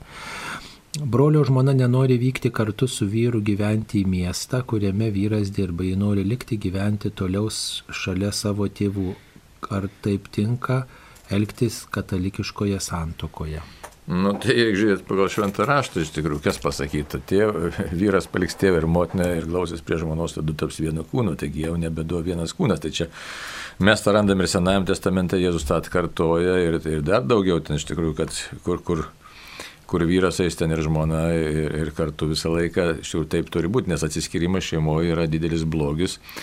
Ir net apaštalas Paulius, kas sako, galima atsiskirti tik tai maldai, ne maldai susilaikymu tam, laiku, tam tikram laiku. Tai va, tai, tai, nes vyras ir žmona yra šeima, tėvai yra atskira šeima, tai praktiškai reikia tik tai žiūrėti, galbūt ten kažkiek padėti ar, ar palaikyti, ar slaugyti reikia, nu tai tą klausimą slaugimą reikia spręsti, jeigu ten slaugimo klausimas iškyla, bet šiaip normaliai vyras ir žmona turi gyventi kartu, nes tai yra sakramentas ir vienas kūnas. Ir čia visokios kitokios interpretacijos, tai čia žinai, nu, tai nebent jie tarėsi dėl kažkokių priežasčių, nenori tą miestą keltis, ten dar kažkas, bet jeigu prisirišimas tik prie tėvų, tai čia iš vis kažkas yra negerai. Taip, dar viena žinutė. Vyras išėjo gyventi pas kitą ir sakė nebegrįž, nors dar nesame įsiskyrę, ar žmona palikta gali turėti draugą ar laukti, kol vyras numirs, nes sakramente pragyveno 37 metus. Ta moteris nebuvo laiminga visą gyvenimą, nes vyras pastoviai paleistuvaudavo ir jie nesusituokė, nes buvo ne iš čia, nors jie... Nesusituokė. Taip, ir jie susitokė, nes buvo ne iš čia, nors jie ir buvo draugavę penkis metus. Už tą vyrą buvo pastoviai melstas ir mišios aukotos, patarkite, ką daryti. Nu, draugą turėti tai tikrai nepatartume ypatingai. Nuodėmėmus. Nu, tai. Taip, jeigu jūs sakramente, esat santoko sakramentą priėmusi, tai tas mm, draugo turėjimas veda į tokį nutolimą nuo, nuo Dievo ir svetimavimą, nesvarbu, net jeigu ir vyras svetimauja. Tai vienas dalykas, kitas dalykas, jeigu, aišku, tas spręstinas klausimas, tai jeigu išsiskiria, tada bažnytinis teismas, jeigu jis anuliuoja, tiksliau paskelbia neįvykusią tą pirmąją santoką, tai tada kaip ir nėra santokos, tada galima tuoktis antrą, tiksliau, nu, antrą kartą, taip jau vadinkim, liaudiškai išnekant, tai reiškia, nes, nu, iš esmės tai tuoktis tada, bet tai turi būti įvyktam procesas ir taip toliau, tai turi būti tikrumas, o dabar Dabar tų dalykų visų nėra ir ką žinai, ar jie bus ir iš vis reiktų kelti klausimą. Nu, nesvarbu, čia laiminga ar nelaiminga, čia ne kriterijus, paleistava, nepaleistava. Kriterijus yra taip santoka tikra ar netikra. Tai. Ir ar darau nuodėmę ar nedarau nuodėmę. Taip mums paskambino. Užra iš akių rajonų. Taip, klauskite, Užra. Labą dieną. Labą dieną. E, labai gerbiu kunigą Valkauską, todėl noriu jam paklausti du klausimus pirma, ar jisai pasiskiepija, jeigu taip, tai kodėl, ar iš paklusnumo, ar, ar nesaugus jaučiasi. O antras klausimas, girdėjau tokią informaciją pasiekė, kad kažkokie ruošiasi Vatikane pakeitimus daryti dėl LGBT gėjų žmonių, kad, kad tai pripažintų nenuodėmę žodžiu pakeitimus kažkokius Biblijai. Ar taip gali būti, tai tiesiog laukia popiežiaus parašo. Ar taip gali būti, ar ateityje taip gali būti, labai noriu dėl to paklausti, nes man tai baisu dėl to. Na, nu, taip, dėl skiepų šitaip aš persirgau, tai aš dar nesiskiepiau, nes antikūnių yra, tai man gydytojai kol kas nepatiria skiepytis, nes nežino, kaip organizmas reaguos. Tai taip, tokia situacija. Tačiau galiu pasakyti taip, lyga labai išlikšti, iš tikrųjų labai išlikšti. Tai Su, ir aš kiekvieną penktadienį lankau COVID skyriaus ligonius aiškia, ir tikrai, kas serga, serga, nu, kurie sunkiai, tai ir miršta žmonės, tai e, žvelgiant iš tos pozicijos, na, aišku, aš suprantu, žmonės labai daug tipo šalutinių reiškinių, paskui tu ma, e, šito kaip ten tu samokslo teorijų, bet kai susiduriu su realybė sergančių žmonių, tai vis tiek yra protingiau pasiskiepyti. Aš taip, taip, va, iš tos praktinės tokios situacijos. Aišku, gali būti ten tas, anas atsitiko trombai panašiai, nu, iškės tik skiepai mes žinom, kad nėra kol kas tokie ištyrinėti, galbūt nu kiek pra, saugus, bet, bet kai sakau, darant e, kartą, kai susiduriu su tos lygos realybė, tai tiesiog, aišku, kas lengviau sirgo, kas sunkiau, bet aš, tą, aš pats galėjau ligoniai. Antrą kartą tikrai nenorėčiau patekti tą ratą, aišku, jeigu Dievas duos, tai duos, jo nieko nepadarysi. Tai dabar, o dabar dėl to antro klausimo dėl LGBT. Tai yra jėgų, kurios aišku norėtų ir mes matomės labai stipriai veikia ir ypač Vokietijos bažnyčiai noras ten, reiškia, įvairiais būdais įsis, pakeisti bažnyčios mokymą, įterpti į tą. Bet labai įdomu, gal matai, lietuvių kažkodėl spauda neparodo ir nerašo. Čia aną dieną itališkai paskaičiau, tai popiežiaus Benedikto, atsiprašau, popiežiaus Pranciškos, aiškiai, buvo pasisakymas labai įdomus, dabar greit nerasiu internete kaip čia dabar tik tai, kad prisiminčiau, reiškia, jis labai gražiai pasakė, kad tai e, pripažinti vienalytės santokos tai yra visiška asmens destrukcija. Maždaug taip išverčiau, taip maždaug. Visiška asmens destrukcija. Ir kitas dalykas yra pasakyti, kad bažnyčios mokymo niekas pakeisti negali. Tai mes turim labai gerą saugiklį. Įsivaizduot, nei pobažius, nei visuotinis susirinkimas jau įvykusio bažnyčios mokymo niekas negali pakeisti. Aišku, kunigai tai labai teko man girdėti ir čia Lietuvoje net interpretuoja labai plačiai, kodėl jūs nemyli tų, nemyli tenų. Tai meilė tai nėra pataikavimas nuodėmė, suprantate? Tai mes už tai apie nuodėmės kriterijų turime labai aiškiai kalbėti. Vienalytės santokos yra blogis, žvelgiant iš Dievo pozicijos, iš švento rašto pozicijos. Ir jau, ten jausmai, ne jausmai, tai galbūt būna tie jausmai, bet žmogus turi kaip katekizme parašyti, jos reikšti taip, kaip Dievas e, mums, reiškia, davė, nurodė, o jeigu netelpa į tos rėmus, nu, tai turi tada su savim kovoti. Tai, tai kad bus bandymų, ar, ar jų vyksta, matomų, nematomų, tai tikrai gali būti labai kad bandymai doktriną keisti, ją iš vidaus, matot, labai gudriai bandoma keisti, kad štai kažkokie vietiniai susirinkimai.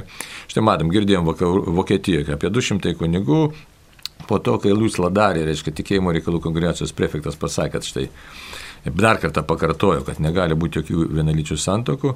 Čia nieko naujo nepasakęs, tai pakartojo, ten Vokietijoje 200 kunigų kažkur tai demonstratyviai palaimino kažkokias tai ten vienalytės poras. Ne? Tai iš esmės tai ką jie padarė? Jie ereziją padarė, šiaip tai turėtų būti atskirti nuo bažnyčios. Nu, nesima bažnyčia taip drastiškai dabar draskytis, kadangi labai daug problemų yra. Tai iš tikrųjų labai daug problemų yra. Tai. Tai va, bet tai, tai esam tokioj kovos pozicijoje, situacijoje labai rimtoj ir čia nereikėtų gazdintis, reiktų mums kitą dalyką padaryti. Aš vis prisimenu šventai Makariją. Dėkumų tėvas, ne ką jisai sakė, atsivers pats, aplink tave atsivers tūkstančiai. Tai, sakyčiau, mes gal per mažai propaguojam maldą už visų mūsų atsivertimą, per mažai propaguojam pasninką, Aišku, gražių dalykų yra adoracija, tai, bet turėtume galbūt ne tiek melstis už asmeninius reikalus, bet melstis už visą tą mūsų visuomeninį gyvenimą, už bažnyčios gyvenimą ir už mūsų visų atsivertimą, už bažnyčios ypatingai narių atsivertimą. Nes kaip matot, kritinė masė, čia Blavatskaja, ta jau šita e, antikristininkė. Jelena Blavatskaja. Jelena Blavatskaja, propaguotoja masonerijos ir taip toliau jinai ką sakė, čia jos buvo vienas iš planų tokių - sumažinti kritinę masę tikinčių, kad tie, kurie atstovauja kitai jėgai, nevadinasi, nu, suprantat, kokiai, kad jie pradėtų dominuoti ir tada galėtų keisti žmonijos sąmonę. Tai visas pralaimėjimas yra tas, kad sumažėjo tikinčių. Ir dabar aš jau sakiau per pamokslėlį, bet Lietuvoje kokia situacija. Mes čia vaidinamės katalikų tauta, ne, bet iš tikrųjų tai taip nėra. Apie 80 procentų pakrikštytų, ne, į bažnyčią eina iš tų 80 procentų pakrikštytų 5 tik tai procentai. Ir tokiu būdu, žinot, kiek gaunasi žmonių per visą Lietuvą, sekmanį einančių bažnyčią? 107 tūkstančiai. Ką tas reiškia per visą Lietuvą? Svaiduot? Alitus ir Marijampolė nuėjo, viskas. Klaipėda, Vilnius, Kaunas, Šiauliai neina, nesimeldžia. Nu, tai turim rezultatą. Nu, tai, tai ne tik čia, čia Lietuvoje, bet reiškia visur tas pats. Nu. Taip, žodžiu, svarbu melstis tie, kurie melžiatės, melstis ištvermingai ir patiems rinkti samoningiau tikėjimą. Ar būtuose gali gyventi naminukai ir tik senuose apleistuose namuose, ar gyvūnėlių dvasia gali būti nerami? Taip, velniui tas pats, kuriems senas, naujas senas namas visiškai tas pats priklauso nuo to, kas ten gyvena ir ką ten daro viskas priklauso nuo žmonių e, dvasinio stovio. Tai va, ir tai, jeigu net ir šventai gyvena, kartais puola, nes tiesiog nugazdina puola, tai kad nu, išgazdintų, neramybę sutik sukeltų. Tai va. o gyvūnėlė neretai jaučia tos, tos dvasias. Tai tiek. Žodžiu, gali būti neramus gyvūnėliai. Ar neviltis yra lyga dvasioje? Nu, tai tam tikra lyga, tam tikra, tai jo toks ir požiūris, ir lyga, jeigu jis įsivyrauja, tai žiūrėk, ir depresija stumia, gal tikra, netikra, tokį nerimą iš tikrųjų, nerimas stumia. Nu, tokio praradimas, ne, neviltis, tai toks, nu, iš tai litanijai turi mane šventosios dvasios prašymą, gelbėk mus nuo nevilties, ne, tai nuo nusivylimą. Tai va. Vaikams žaisluose yra tokie arkliai su snapais ant kaktos. Ką tai reiškia, ar galima tai pirkti vaikui tokių žaislų su tokiais ženklais? Nežinau, aš iš tikrųjų nesidomėjau, ten kaip tas arkliukas, koks ten arkliukas, iš kokios ten pasakos jis ateina, žinai, gal ten.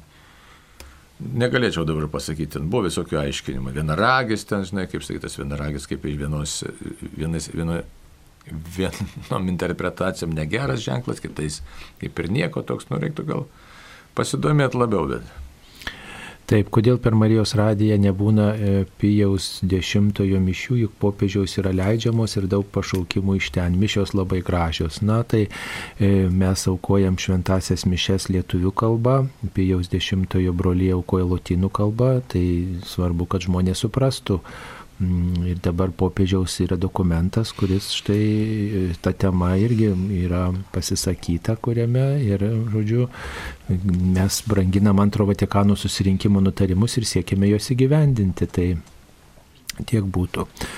Taip, švenčiausiojo prieimimas ar į rankas neprieštarauja bažnyčios tradicijai. Ne, neprieštarauja, nes tai yra sena bažnyčios tradicija. Kaip elgtis su žmonėmis, kurie nenori bendrauti ir atstumia. Pasimels už juos ir tada, nu jeigu nenori bendrauti, nenori, nu tai ką dabar padarysi? E, taip, ar puikybė į bažnyčią eiti gražiausiais drabužiais? Šiaip tai nebūtų puikybė, aišku, sekmanį mes jau apsileidom. Prisimkim Tomą Morą, kuris kalėjime sėdėdamas sekmanį apsivildavo pačiais gražiausiais tuo metu turimais drabužiais, aiškiai pasipoždavo, kodėl todėl, kad sekmanį švenčiu. Bet jeigu noriu pasirodyti, nu tada puikybė. Taip. E, dar viena tokia žinutė yra įtarimas, kad Marijos statulėlė užkalbėta ar užburta, ją padovanojo dukrai. Ką pasiūlytume dėl to? Aš sakau, kad sudaužytų ir išmestų, jis sako, kad negali. Ar gali tai būti? Nu, čia įdomus klausimas. Iš tikrųjų, Lietuvoje neteko su to susidurti, bet Italijoje egzorcistam tenka dažnai su šito susidurti, bet tik tai dabar žinot, ką reiškia užkalbėti. Matot, kaip tu patikrinsi, kokios vertės ta statulėlė. Jeigu ten gipsinė, Nu, tai tada aiškia, būtų kažkoks aiškus motyvas pirmiausia, kad kažkas namuose netaip vyksta, nes matot, tu prisigalvot, kad užkalbėta, tai vienu metu galvosit, kad statulėlė užkalbėta, paskui televizorius užkalbėtas, išmėsit per langą, supranti. Tai čia turi būti kažkokie protingumo kriterijai. Tai šiaip būna tie kerai iš tikrųjų, labai rimti kerai būna, bet čia taip lengva būdiškai mes negalim savo, žinai, leisti išvaistytis, tai, nes paskui susirgsi psichinė lyga, žinai, nes tikrai pradėsi visur regėti užkalbėjimus. Tai turi pirmiausia pasitikėti Dievu ir paskui galvoti, nu kokie kriterijai, kas čia vyksta, ar tikrai kas nors vyksta, nes jeigu tik tai šiokia tokia nesėkmelė, nu tai ką, arba kad ir rimtos nesėkmės, bet pirmiausia reiktų pasitikrinti savo gyvenimą.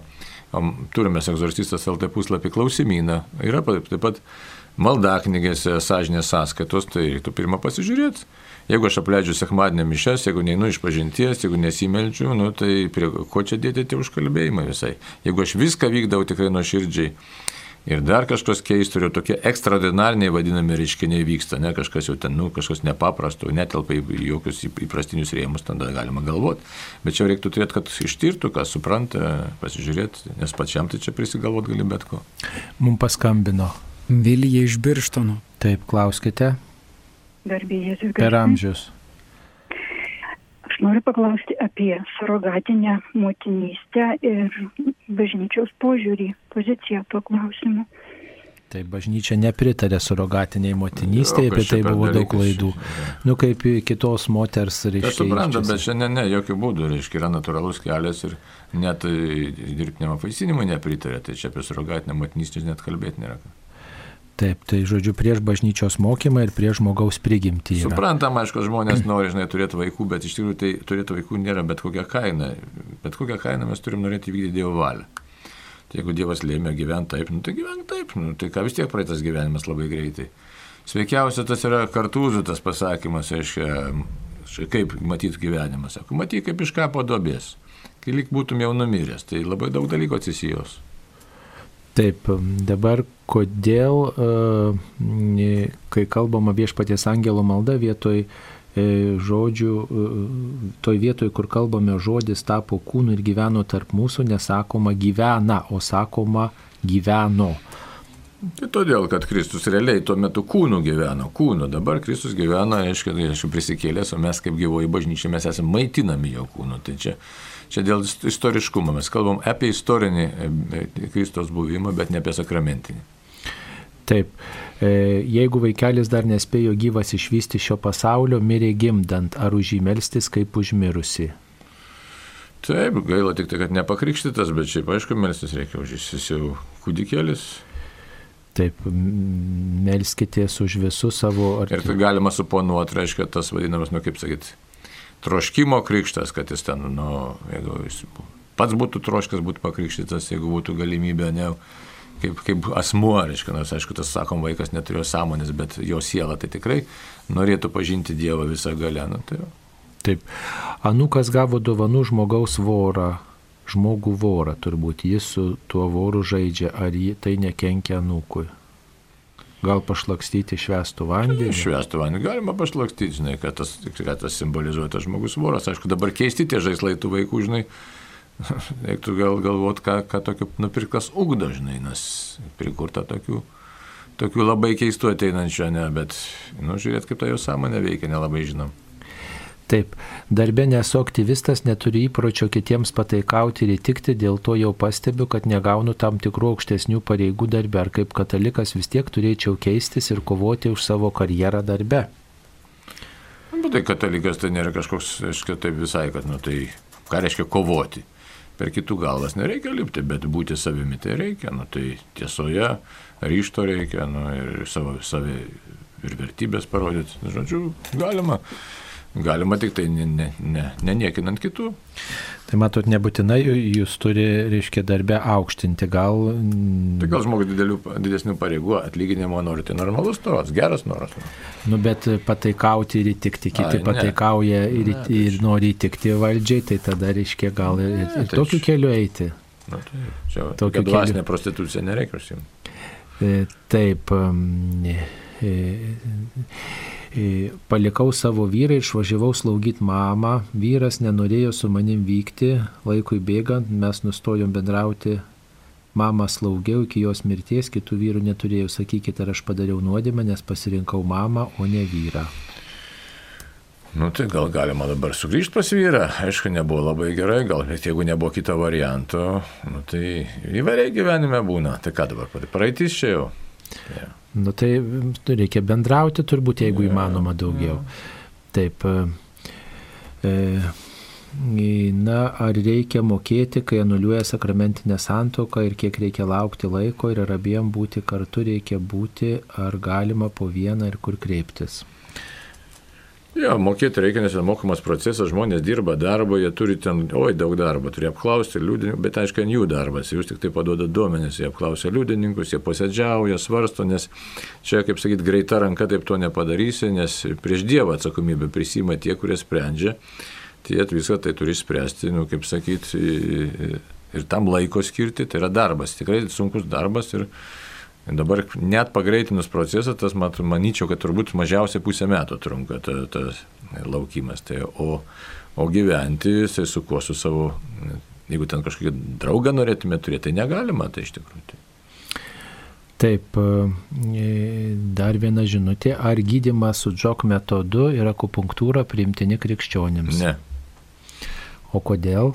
Nu, ilgas kalbėjimas, ten reiškia akupunktūra, ten žiūrint kokią kokius taškus veikia, kokia ten, aiškiai, yra tam tikra akupunktūra, e, kuri galimai, iš tikrųjų galima, bet tokiam ilgom adatom, kur stengiasi sužeisti patį raumenį, tai fiziologiškai pate, e, nu, pateisinama. Bet šiaip tai, tai čia pasakiau, tai, kad nesuklaidin žmonių, o aš nesinorėjau, kad galbūt, o visa, ne, ne. Dauguma akupunktūros rūšių, kas yra veikia energetinius taškus, ne va kažkokius energetinius, būna tie bėgantis energetiškai taškai, aš žiūriu laikrodį, tai žinai, greit kalbu už tai. Tai, žinai, tai ten reiškia visos yra rytietiškos tos in-jan sistemos, energijos suderinamumas ir taip toliau, nieko ten krikščioniško, net visai kitas požiūris į žmogų. Tai žmogų žiūrima kaip energetinių jėgų sankaupą. Tai daug man teko bendrauti su tais, reiškia, akupunktūrininkais, praktiškai tai yra tokia, nu, kaip sakyti, aišku, jie sako, pažadinė tą, na, gal ir pažadina, bet tada klausimas būtų, kas ten pažadina, nes jokių tokių taškų šiaip, jeigu ne nervą tu žaidži ar kažką, ką tu dėžyti, klausimas, e, ką tu ten pažadini, kokias jėgas ir kalbama tada jau apie visai kitas jėgas, nes mes gavom šitą sistemą iš pagoniško pasaulio, pagoniškas pasaulis, tai reiškia atstovaujamas kieno yra demonų. Tai va taip, kad labai pavojinga yra. Tai, aiškiai, dabar čia e, toks naujovė yra, kad ten iki ilgą adatą kiša, atseit sužeidžia ten fasijas, ten, e, ne, ten organizmas skiria endorfinus, tai galbūt šita sistema, galbūt ir yra saugi. Nežinau, čia dar irgi reikalinga tyrimų ir pasižiūrėti, ką specialistai sako, bet jau kitos tos energetinės, tai net nėra klausimų. Mums paskambino. Tomas iš Kauno. Taip, Tomai, klauskite. Garbėzi Kristai. Per amžius. E, turiu tokį klausimą, kad e, yra e, bažnytėm chore, choro narys atsidaręs taičių centrą ir vilioja kitus choro narius, kad nu, užeitų ir sako, kad tai neprieštarauja katalikiškom vertybėm. Tai mes pasakėm, kad ačiū ne, nes tai prieštarauja katalikiškom, bet, sak, nu, bet jis liko prie savo nuomonės, kad tai neprieštarauja katalikiškom vertybėm vertybėm, tai nežinau, norėtum įžvalgos jūsų. Jo, tai galima būtų pasiūlyti tam dokumentą pasiskaityti Kristus gyvo vandens nešėjas. Ten viso, visos tos praktikos aptartos iš labai plačiai, ten beveik 40 puslapio parašyta. Tai va, tai labai daug tokių, reiškia, iš tikrųjų norisi žmogų, nes tas, kas ten tokia mankšta tai žytintas, ne? Ten toks pasitampimas, kaip ten tokia, reiškia, atrodytų, kad yra geras dalykas, bet žmonės praranda tą suvokimą, kad tai, reiškia, susijęs su energetiniu pasauliu. Tai va, tai reiktų tiesiog, nu, žiūrėti, nes dabar labai ypač vakaruose, labai to, to, tos tolerancijos daug viskam, žinai, mes tiesiog net nežinom, kaip ta piktoji dvasia į mus braunasi tas krikščionis pasidaro kvailas savotiškai, to nedaryk, ano nedaryk ir taip toliau. Tai sako, ką čia, žinai, dažnai tiesiog kokį priekaištą tokį gauname. Tai bet, bet yra visai kitų sporto formų, puikiausių sporto formų ir reiktų žmogui pasakyti, kad, žinai, pasižiūrėk, pamastyk, o už jį tiesiog pradėti melstis, kad Dieve parodyk kelią ir visai bendruomeniai kad neįsitraukti nereikalingas praktikas. Nes man dažnai tenka susidurti, sakysim, su tais e, į kovų menų atstovais. E, čia pas mus Lietuvoje mes kažkaip taip neatsakingai žiūrime. Teko su Indijos egzorcistai išnekėti, jie labai kategoriškai žiūri, nes sako, jie labai gerai žino, iš kur tai kilo ir kaip tai veikia viso žmogaus sąmonė. Svarbiausia, ta sąmonė veikia labai išlėto. Tai va, tai va, tai tokie dalykai. Taip, kaip rasti kelią atgal į santyki su broliu ir jo šeima. Jis jau su šypsena ir kaip atsako filtruoja mano žinutės ir kalba apie tikėjimą. Jo žmona irgi džiaugiasi mūsų atitolimu, domisi ezoterika. Nu ką, pasimelst ir pasninkot, už jos papasninkot ir su meilė žiūrėti, vis tiek duos Dievas, kada atsivers, gal, gal, taip sakyti, kiekvienas eina savo keliu. Ir čia pagal šventą raštą tiesiog ir nenusiminti, nu jeigu atitolsta, atitolsta, atitolsta, ką žinai, tiesiog, nu, yra tai. Gal galėtumėte daugiau papasakoti apie masoniją, jos įtaką žmonių visuomenės įtaką, juk daug Lietuvos iškilių veikėjų priklausė masonų ložiai. Tai čia keliais žodžiais ne, neapsakysim, reiškia, yra tokia enciklika Leono 13 Humanum genus, nemaišykit su Humanum generis, reiškia, Humanum genus, reiškia, tai yra masonerija yra pasmerkta, visiškai pasmerkta, ir ten taip pasakyta, kas priklauso masonerija, tas automatiškai ekskomunikuojamas, masonerija buvo labai paplitusi ten 19 amžiuje, 20 pradžioje ir dabar iš tikrųjų yra paplitus. Dabar e, labai ryškiai išėjo į viešumą, jeigu anksčiau buvo slaptos organizacijos, tai dabar ir Lietuvoje išėjo į viešumą.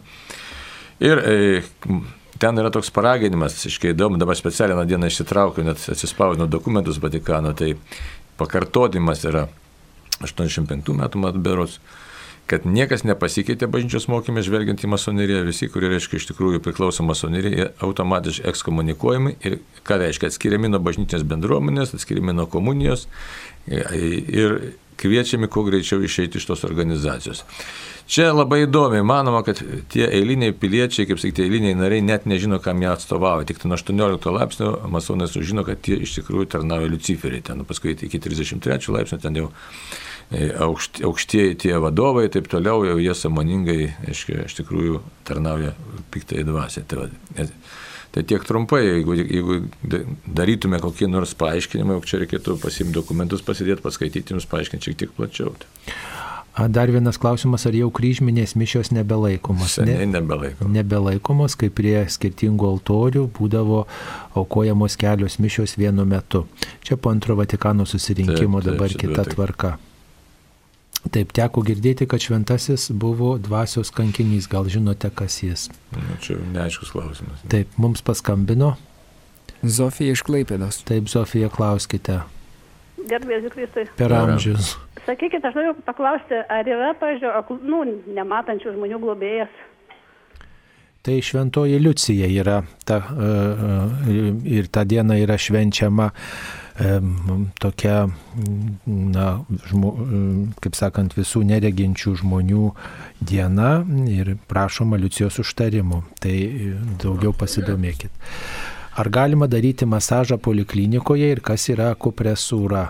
Jo, masažą galima ir ten gali reikti žmogui labai sveika, tik tai reikia pasakyti, kad aš nenoriu jokių energetinių dalykų, nes labai skirtingi tie masažo, kaip sakyti, nu, nenoriu to, nelietuviškas masažistai, nu gal masažistas. Nes yra tokių, kurie tikrai atlieka normaliai, natūraliai, pagal medicinos mokslo, yra tokių, kurie visokią energiją. Užsima tai reikia, tai dar kažko, tai, tai rankų dėliojimo, gydymui ir taip toliau. Labai daug tų metodikų yra. Tai va. O akupresūra tai yra panašiai kaip ir akupunktūra. Spaudimas čia nėra tų trigerinių taškų spaudimas, kur reiškia tau sukėties raumų ir spaudžia raumenį. Bet yra tam tikrų energetinių taškų maigiamas, reiškia, norint pažadinti kažkokias tai energijas, jau pasinė energetinis mąstymas ir e, tų energijų išpažinimas. Tai, tai jau žmogų žiūrima kaip į energetinę visumą, tai šitas dalykas jau neprimtinas. Teko skaityti, kad yra meilės evangelija, kas tai? Nežinau, negirdėjau. Nu, yra Jėzaus Kristaus e, e, Evangelijos keturios bažnyčios aprobuotos, jas reikėtų skaityti, o su kitom ne, ne, visom lektūrom reikėtų žiūrėti, ar yra bažnyčios aprobuota, patvirtinta, o visokia kitokia lektūra, nu jinai tartina ir mus gali tiesiog klaidinti ir tolinti nuo Jėzaus, o ne artinti. Viskas, ką reikia žinoti apie Jėzų, yra surašyta šventajam rašte, naujajam testamente ir mūsų iš išganimui to pakanka. Turiu Džimo Šoro Halloween'o statulėlę, ar turiu jos atsikratyti?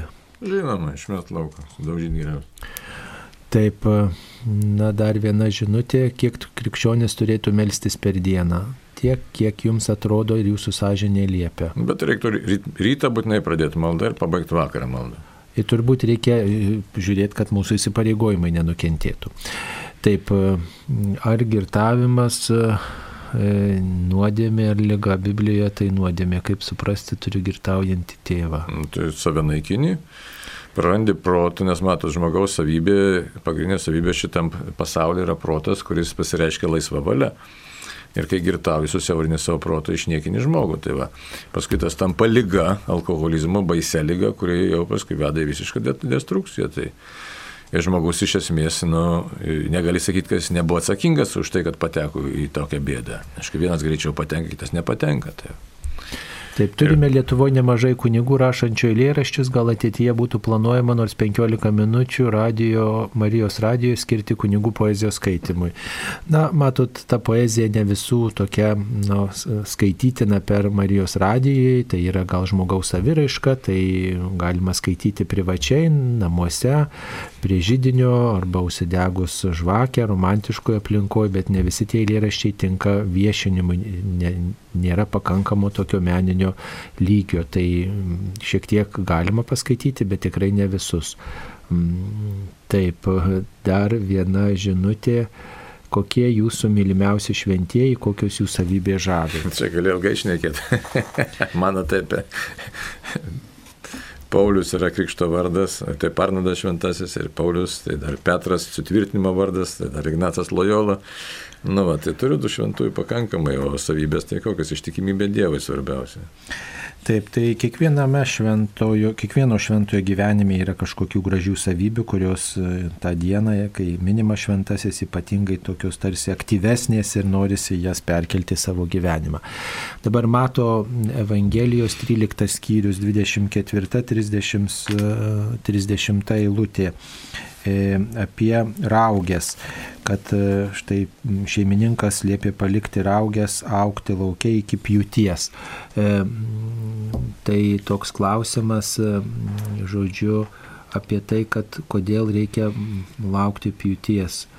Jeigu net visagalis Dievas negali pašalinti blogų žmonių iš visuomenės tarpo iki pasaulio pabaigos, tai gal ir bažnyčia beprasmiškai stengiasi juos auklėti. Tai auklėti ir šalinti yra skirtingi dalykai, tai reikia girdėti. Kas sakoma, šalinti tai sunaikinti iš tikrųjų, įsivaizduoti, tai nenaikinti, o Dievas ne, savo kūrinių jis iš vis nenaikina, labai įdomu, net piktosios dvasios nenaikina, leidžia būti, nes būtis yra gėris. Tai va, tai. Taip, tai svarbu gerą linkėti visiems ir patiems keistis, ne tik apie kitus galvoti, bet ir apie save, kur galėčiau pasikeisti. E, taigi ačiū mielam kunigui Arnoldui Valkauskui, kuris yra Ruklos parapijos klebonas ir Kauno arkiviskupijos egzorcistas bei kapelionato Ruklos įgulos kapelionato vyriausias kapelionas. Taigi ačiū kunigė, kad atėjote į laidą, skirėt laiko. Taip pat prie mikrofono buvo ir aš kunigas Saulis Bužauskas. Būkite palaiminti, viešpaties globos ir Maldo iš Lietuvą ir, ir, ir save. Ačiū. Ačiū sudė. sudė.